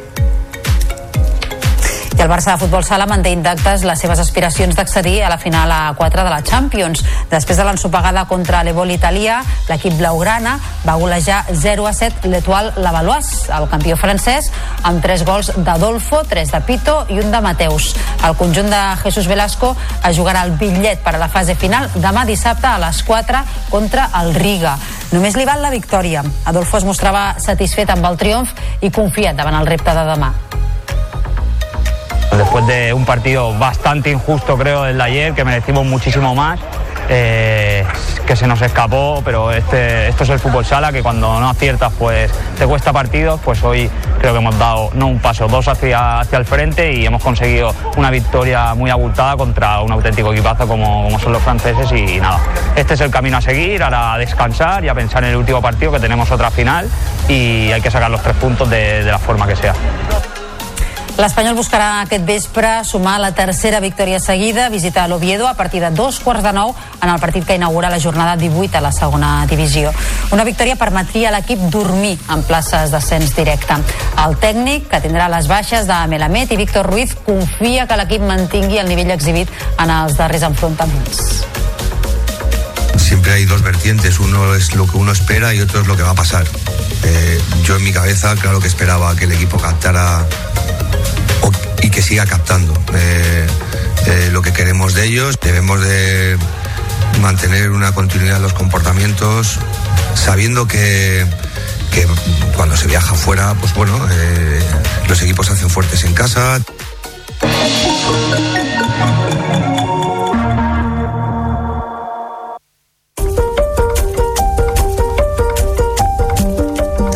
Forta petjada catalana entre les pel·lícules candidates als Goya 2024. Aquest dijous se n'han anunciat les nominacions i quatre dels cinc films amb més candidatures tenen participació del país. Ens ho explica el David Navarro. Així, la coproducció catalana 20.000 espècies d'abejas parteix com a favorita amb 15 nominacions. La segueix La Societat de la Nieve, del director barceloní Juan Antonio Bayona, amb 13. Cerrar los ojos, de Víctor Erice, opta a 11 estatuetes, igual que el biopic de l'humorista Eugenio, Saben aquell, dirigit per David Trueba. I el segueix el film Un amor, d'Isabel Cuixet, amb 7 nominacions. Els actors David Verdaguer i Enric Auqué opten al Goya a millor protagonista per Saben aquell i El mestre que va prometre el mar, i Laia Costa a millor actriu per Un amor. Clara Segura i Àlex Brendamühl han estat nominats com a millor actor i actriu de repartiment per Creatura. Carla Simón amb el curt de ficció Carta a mi madre para mi hijo i Neus Ballús amb el curt documental Blow també competiran per un Goya. La 23a nit de les revistes i la premsa en català reivindica la vigència dels seus valors fundacionals en defensa de les publicacions en català. Diari de Terrassa, Mètode o Gol Esports han estat algunes de les revistes guardonades, però també han reconegut la companyia teatral de Goll de Gom, l'entitat Plataforma per la Llengua i el podcast Gent de Merda pel seu compromís amb la llengua. El president de l'APEC, Germà Capdevila, explica com ha crescut el nombre de revistes en aquests 40 anys. Complim 40 anys com a associació destinada a ajudar a créixer i consolidar-se a les revistes en català. I arribem eh, en un punt de molt d'orgull com a sector. Penseu que fa 40 anys eren 14 revistes les que van fundar la PEC i avui són 200. Per Nadal el regal és Lleida, amb aquest lema la paeria ha presentat la campanya de Nadal d'enguany que compta amb més de 180 activitats, entre elles la renovada Factoria dels Reixos.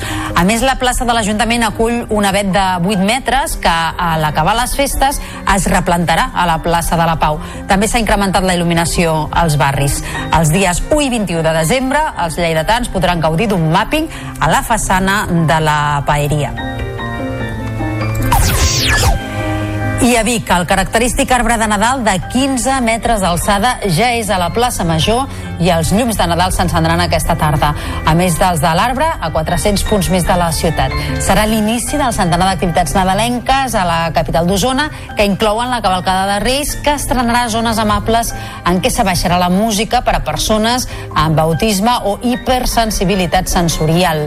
La cavalcada també estrenarà 600 vestits de la comitiva reial i pel que fa al Saló, al Saló de la Infància, aquest any s'aposta per una transformació. S'ampliarà i es distribuirà per tota la ciutat.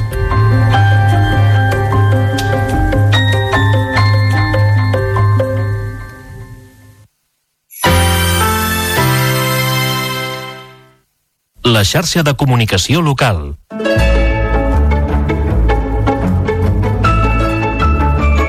Què és l'Advent? En la tradició catòlica, l'Advent són les quatre setmanes anteriors al Nadal. La paraula llatina adventus vol dir arribada. Per això, aquest és un temps per reflexionar sobre la figura de Jesús i preparar-se abans del seu naixement. I el calendari d'Advent? El calendari d'Advent, que va de l'1 al 24 de desembre, serveix per comptar els dies que falten pel Nadal. Segons una tradició alemanya del segle XIX, la canalla encenia una espelma cada dia d'Advent. Cap al 1920 es va fer el primer calendari, amb el qual cada dia regalava als nens una xocolatina o una llaminadura. Per què es decoren els avets per Nadal? Molt abans del naixement de Jesús, moltes cultures tenien la tradició d'oferir arbres als seus déus per celebrar, amb l'arribada de l'hivern, el començament del cicle anual. En triaven un que es conservés verd tot l'any, com l'avet. En estendre's el cristianisme, es va agafar aquesta tradició ancestral per celebrar el Nadal. La idea de decorar aquest arbre amb llums, estels o boles de colors és més recent i no se sap molt bé com va sorgir. Habitualment, però, l'origen d'aquest costum se situa a l'Alemanya medieval i fins i tot hi ha llegendes que el relacionen amb el rei Artús, el famós rei bretó dels cavallers de la taula rodona. Els supertafaners ho volen saber tot del Nadal, de l'editorial Larús, és un dels llibres que les ràdios locals et regalem a aquestes festes. Escolta contes, poemes i supertafaneries a Lletres de Nadal, a la teva ràdio local i a la xarxa més.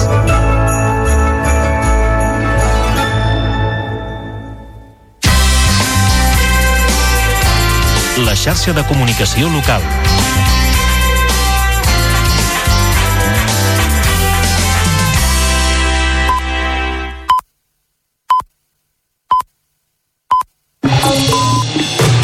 Notícies en xarxa, edició matí. Amb Taís Trujillo.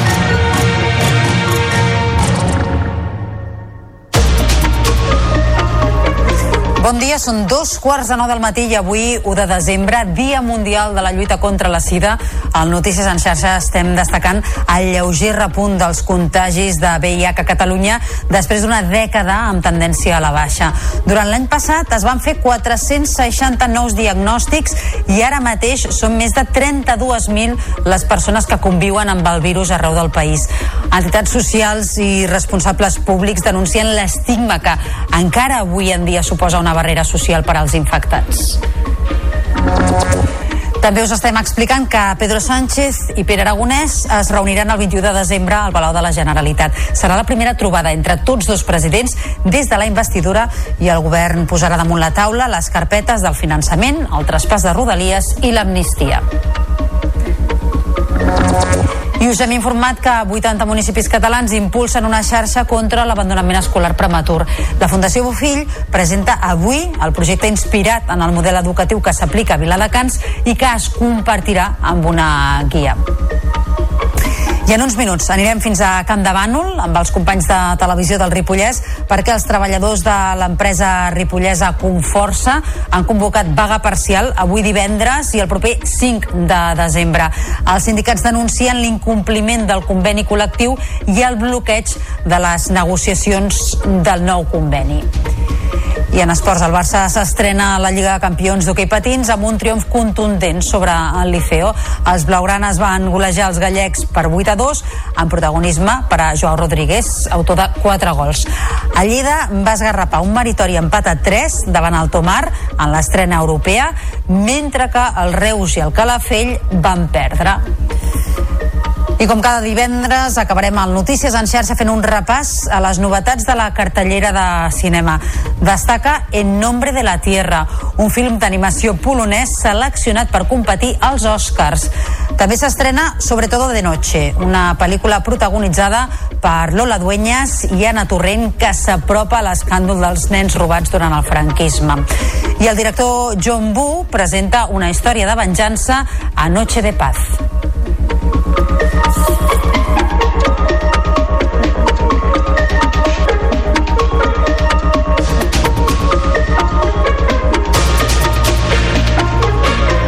Notícies en xarxa, edició matí.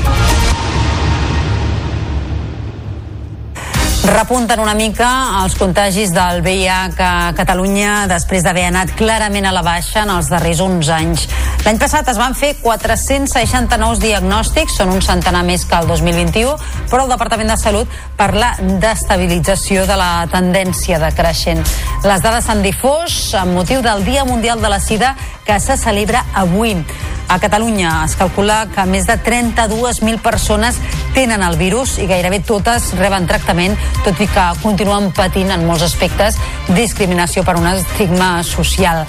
El subdirector general d'Addiccions i VIH de l'Agència de Salut Pública de Catalunya, Joan Colom, ha assegurat a la xarxa que l'objectiu dels responsables del sistema públic de salut és acabar amb els contagis respirar mai, perquè la nostra funció és estar sempre amatents i a més a més amb aquest objectiu que deia de màxims, d'aconseguir disminuir. Encara hi han 460 persones que s'infecten. Hem d'intentar aconseguir que això pràcticament sigui, estigui a zero. I per tant hem posat en marxa molts dispositius per poder-ho disminuir. I com cada primer de desembre, aquest matí es despleguen els tradicionals tapissos en record de les víctimes de la sida a les façanes del Palau de la Generalitat i de l'Ajuntament de Barcelona. Es donarà així inici a un acte institucional per commemorar el Dia Mundial d'aquesta malaltia. Els tapissos són confeccions tèxtils que van crear amics i familiars de persones que van morir en plena pandèmia del VIH als anys 80 i 90 i s'exposen per fer una crida a la consciència i per combatre també l'estigma social. Allà, a la plaça de Sant Jaume de Barcelona, hi ha els nostres companys de la xarxa, l'Albert Batilló i la Maite Polo. Maite, molt bon dia. Ja s'han despenjat aquests tapissos? Fa tot just uns minuts, fa molt poqueta estona, que les principals autoritats eh, del govern i també de del govern de Catalunya i també de l'Ajuntament de Barcelona doncs, eh, han sortit al balcó i enmig dels seus aplaudiments han desplegat un dels tapissos, una secció que es diu del tapís memorial de la sida que existeixen a Catalunya. Guille, Ernesto, Javier, Joan, Margarita Esparric, Cesc, Alberto són víctimes. Formen part de les 10.000 persones que van morir a Catalunya durant la pandèmia pandèmia, anys 80 i anys 90. L'Ajuntament de Barcelona també ha pogut veure Xavier Trias, el cap del grup municipal, Trias per Barcelona. Um, Ferran Pujol ha estat una de les persones que ha sortit al balcó del Palau de la Generalitat, director de projecte dels noms i és Panocida, i uh, feia uns minuts, en la connexió anterior, ens denunciava la llista d'espera que tenen al centre Barcelona Checkpoint, que ell dirigeix, de persones que volen prendre la píndola preventiva, l'anomenada de PrEP doncs, per tal de tenir conductes de risc sense infectar-se el més important és que hi pugui accedir a aquestes mesures. És dir, que puguem resoldre conjuntament amb el departament, que em consta que s'hi està treballant, però que ho puguem fer amb una celeritat que hem d'aconseguir acabar amb aquestes llistes d'espera perquè eh, el resultat d'aquestes llistes d'espera són infeccions que són evitables i que si es contrauen seran irreversibles i de per vida. Entitats i administracions públiques uneixen esforços, doncs, en un dia com avui en què se celebra la 36a edició del Dia Mundial de la Sida a Catalunya per erradicar el virus, com marca l'Organització Mundial de la Salut l'any 2030. Maite Polo, Albert Matilló, companys de la xarxa, gràcies per aquesta connexió en directe des de la plaça de Sant Jaume de Barcelona. Molt bon dia. Notícies en xarxa. Tota la informació al teu abast.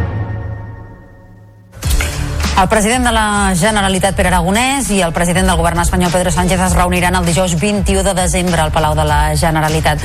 Aquesta serà la primera trobada institucional entre els dos caps dels executius des que Sánchez ha estat investit de nou president del govern espanyol. La intenció de la Generalitat és arrencar les sessions de treball entre les dues administracions per avançar en les condicions que han fet possible l'acord. Laura Vilagrà és consellera de la presidència. És una trobada que, en la qual volem ja anar per feina, perquè saben que el govern de la Generalitat ja estem treballant en una proposta de finançament singular, també estem treballant a través doncs, de diferents mecanismes, però també doncs, amb el comissionat que hem eh, nomenat per treballar el traspàs de Rodalies. Per tant, anem per feina i aquesta reunió, que ha de ser una reunió, com els deia, executiva, ha de servir per crear el marc efectiu de negociació d'aquestes tres carpetes que tenim sobre la taula Mentrestant, el ministre de la Presidència, Justícia i Relacions amb les Corts, Félix Bolaños, ha assegurat que Brussel·les no veu cap impediment en la llei d'amnistia que impulsa el govern espanyol. Ho ha afirmat després de reunir-se amb el comissari de Justícia, Didier Reinders. Sobre esta ley de amnistía les tengo que decir que hay cero preocupación de la Comisión Europea sobre la salud y la fortaleza del Estado de Derecho y la separación de poderes en España. Cero preocupación. Cero. Ninguna. Conocen perfectamente la proposición de ley que se presentó, saben que es una proposición de ley que es absolutamente conforme con la Constitución, con el sistema legal español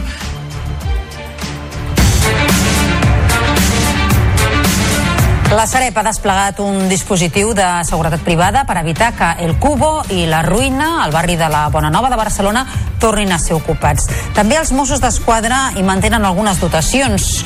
Un cos policial que ahir, amb un gran desplegament, va aconseguir desallotjar tots dos edificis en menys de 6 hores, sense incidents i amb només un agent ferit greu. Lleu, volem dir. Hi ha, però, set detinguts. Es tracta de sis homes i una dona que s'estaven a l'interior dels immobles. Els Mossos els atribueixen delictes de resistència, desobediència i atemptat a l'autoritat. Montse Estruc és la comissària en cap de la regió policial metropolitana de Barcelona. El dispositiu ha, ha estat eh, un èxit en aquest sentit. I ara el que estem amatents és amb les possibles reaccions.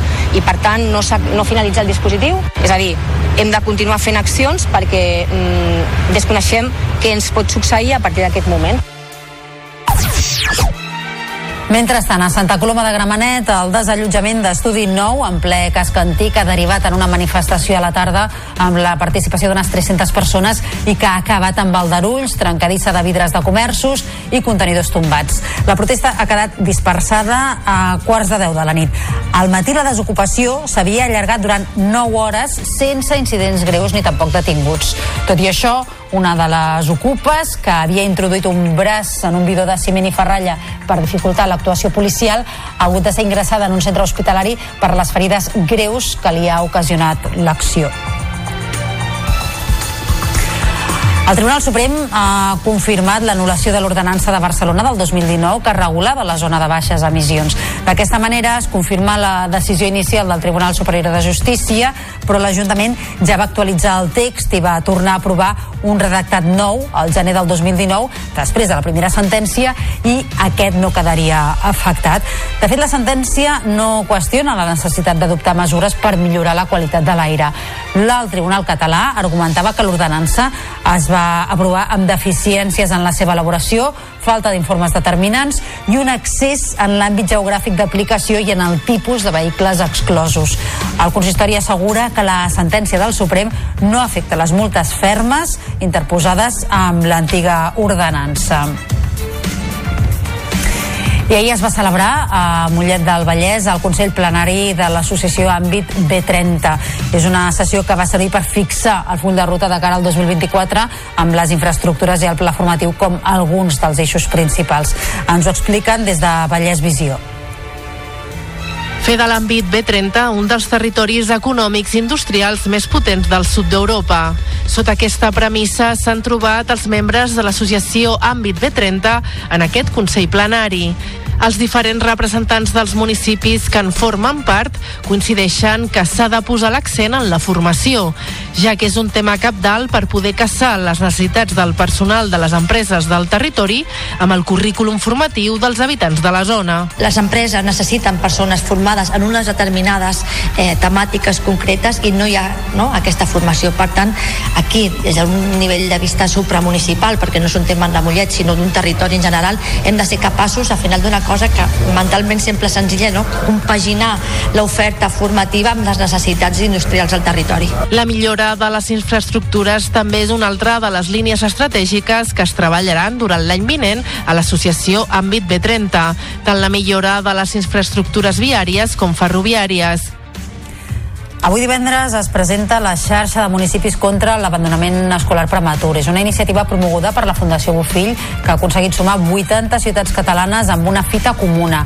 Aconseguir abandonament escolar zero un treball en xarxa que ha facilitat també l'elaboració d'una guia per fer front a l'abandonament escolar des de l'àmbit municipal.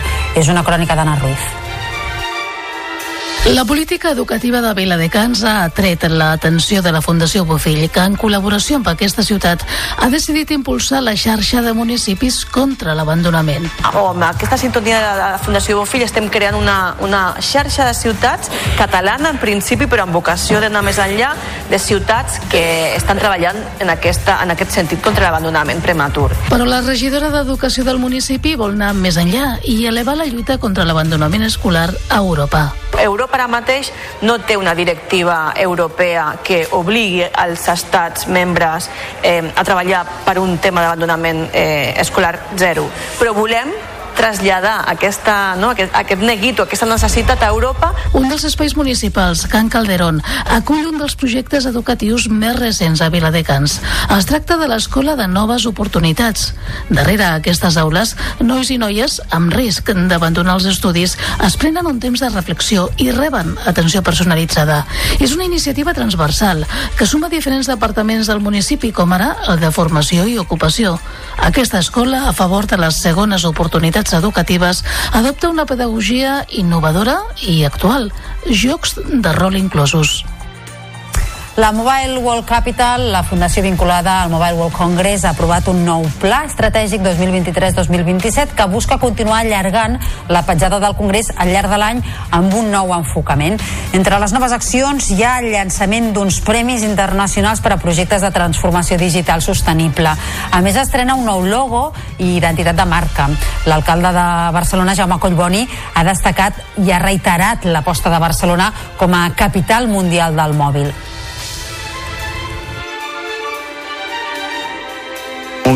Pla estratègic renovat que aposta per la consolidació de la ciutat de Barcelona com a capital tecnològica i digital del sud d'Europa i com a un dels punts de referència a nivell mundial de les novetats pel que fa a la tecnologia mòbil, però també a tot el procés de, de digitalització i també en el futur d'intel·ligència artificial. Notícies en xarxa. Informació al detall. Els treballadors de l'empresa ripollesa Comforça han convocat vaga parcial avui divendres i també el proper dia 5 de desembre de la setmana que ve. Els sindicats denuncien l'incompliment del conveni col·lectiu i el bloqueig de les negociacions del nou conveni. Anem fins allà, fins a Camp de Bànol, amb els companys de televisió del Ripollès, en Jordi Altesa i la Judit Espert. Judit, què tal? Molt bon dia.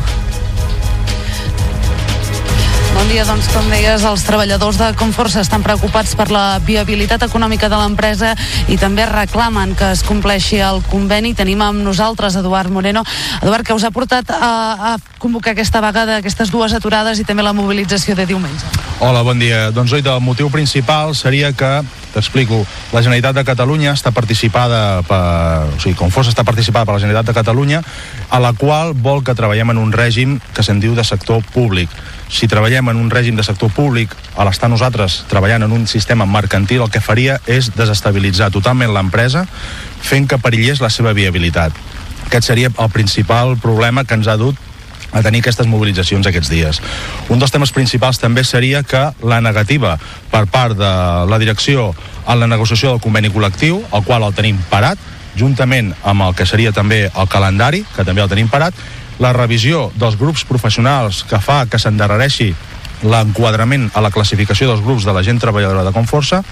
I una cosa molt remarcable que també ha fet molt mal és com drets històrics per conveni, com seria l'article de l'ajut escolar, també se'ns ha vist vulnerat de manera que la suma total d'aquestes situacions han dut a terme que la pas social hagi dit prou i duem a terme aquestes mobilitzacions.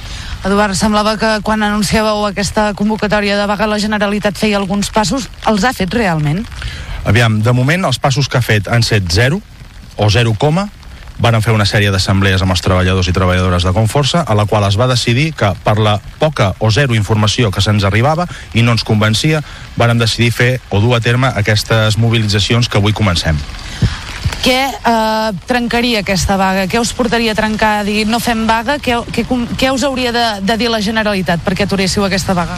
La Generalitat hauria de prendre bueno, diverses cartes en l'assumpte, perquè estem parlant de que com força hi treballen més de 300 famílies, més de 300 persones treballadores, i això de retruc afectaria no només en les seves vides directament, sinó en tot el territori, en tot el teixit eh, comercial, econòmic de la comarca, en distribuïdors, proveïdors, colindants de les comarques, seria un cop molt fort. El que volem i esperem de la Generalitat és que reaccioni, que prengui les mesures necessàries, que si ha de fer algun encaix legal perquè això continuï treballant com fins ara, de la manera que estem treballant com fins ara, és el que desitgem i el que esperem. Per tant, necessitem una reacció ràpida per part de la Generalitat de Catalunya. Els treballadors, bàsicament, el que dieu és que voleu treballar tranquils i dignament, no? Sí. O sigui, fins ara, com qualsevol empresa, pot tenir els seus alts, els seus baixos, els seus dies a dies, però estàvem treballant i estem treballant, de moment, en una certa tranquil·litat. Què passa? Que la ombra d'aquest sistema de funció pública endarreriria tot el que és el funcionament del dia a dia nostre i deixaríem, com bé dius tu, de treballar tranquils el que faria és endarrerir des de temes de contractació, eh, proveir de ser i tot això, doncs faria que de mica en mica l'empresa anés morint i per tant això no ens ho podem permetre. Eduard, gràcies per acompanyar-nos. Doncs convocatòria de vaga aturada avui divendres, també dimarts i també hi haurà una concentració aquest diumenge i atenció perquè també hi haurà talls de carretera a l'alçada de Ripoll.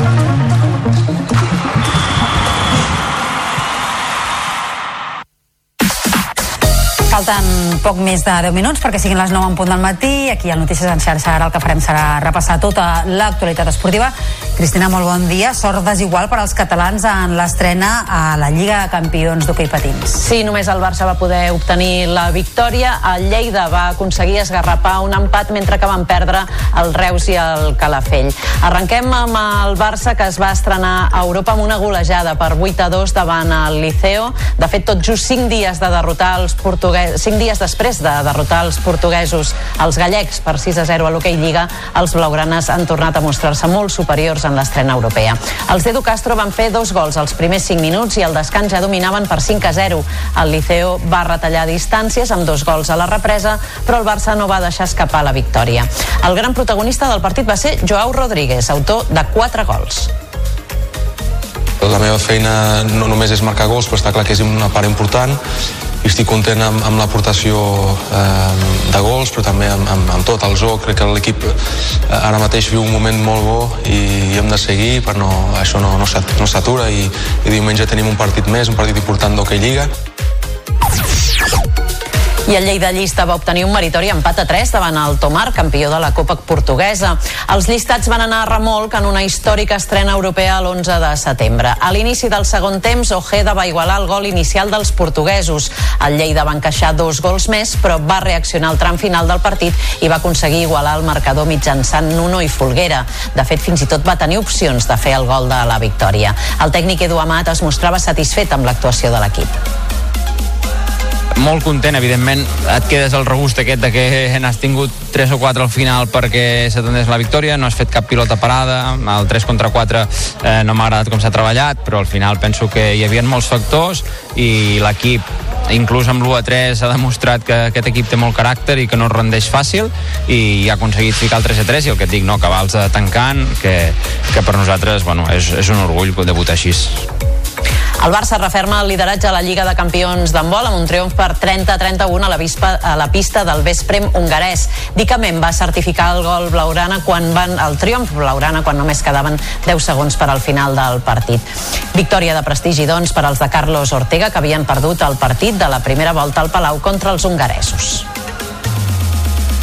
El Barça de futbol sala manté intactes les aspiracions d'accedir a la final a 4 de la Champions. Després de l'ensopegada contra l'Evoli italià, l'equip laurana va golejar 0-7 l'Etol Lavalois del campió francès amb 3 gols d'Adolfo, 3 de Pito i un de Mateus. Els de Jesús Velasco es jugaran el bitllet per a la fase final demà contra el Riga. Només els val la victòria. Adolfo es mostrava satisfet amb el triomf i confiat davant el repte de demà.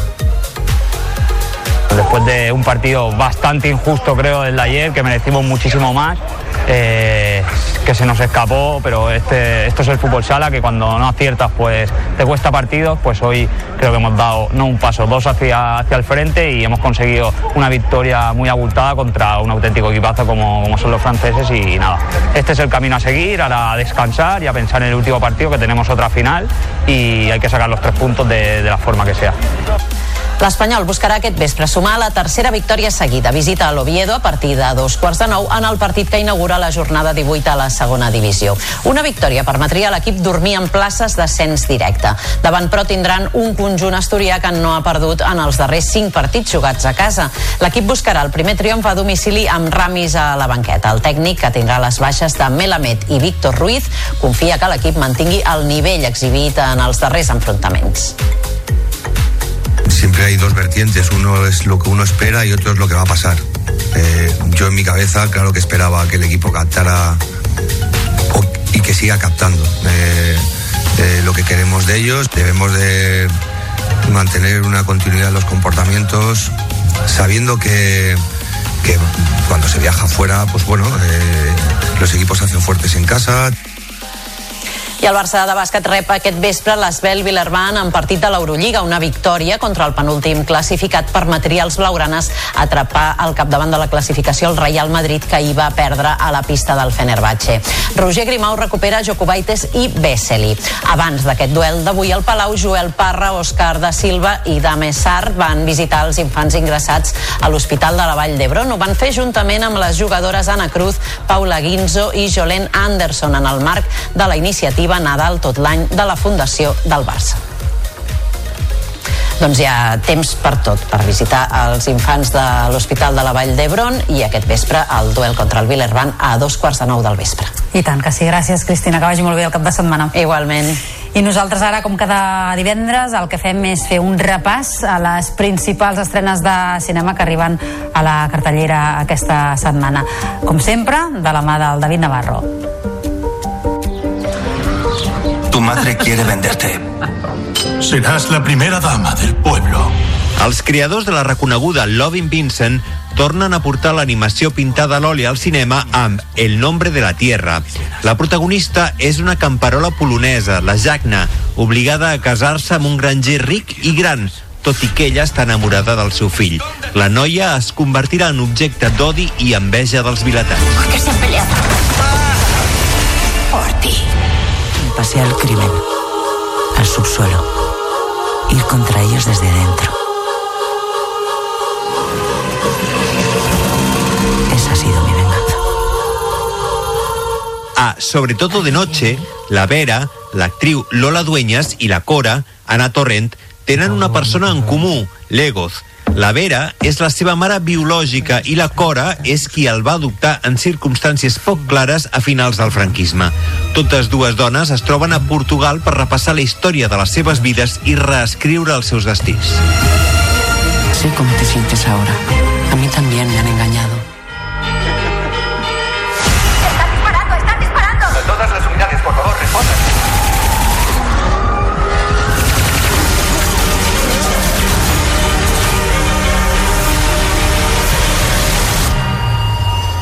El darrer film de John Woo, Noche de Paz, arrenca quan una nit de Nadal un home és testimoni de la mort del seu fill atrapat en un foc creuat entre bandes. A conseqüència del tiroteig, ell perd la veu i quan es recupera decideix entrenar-se per venjar l'assassinat del nen.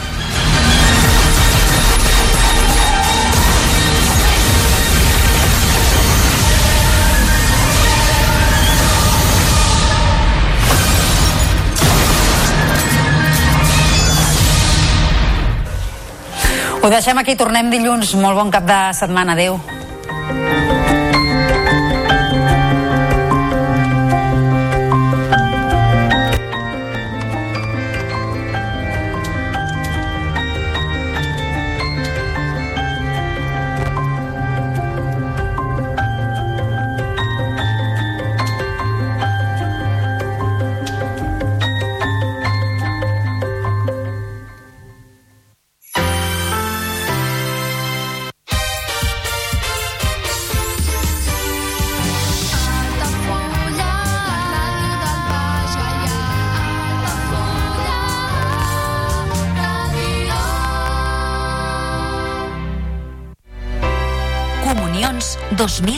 2024. Dates ja disponibles amb sales privades, jardí, pàrquing privat i la millor gastronomia. Més informació i reserves al 977 65 11 55 i a comercial arroba altafullamarotel.com o al web altafullamarotel.com. Les teves celebracions familiars a l'Altafulla Mar Hotel.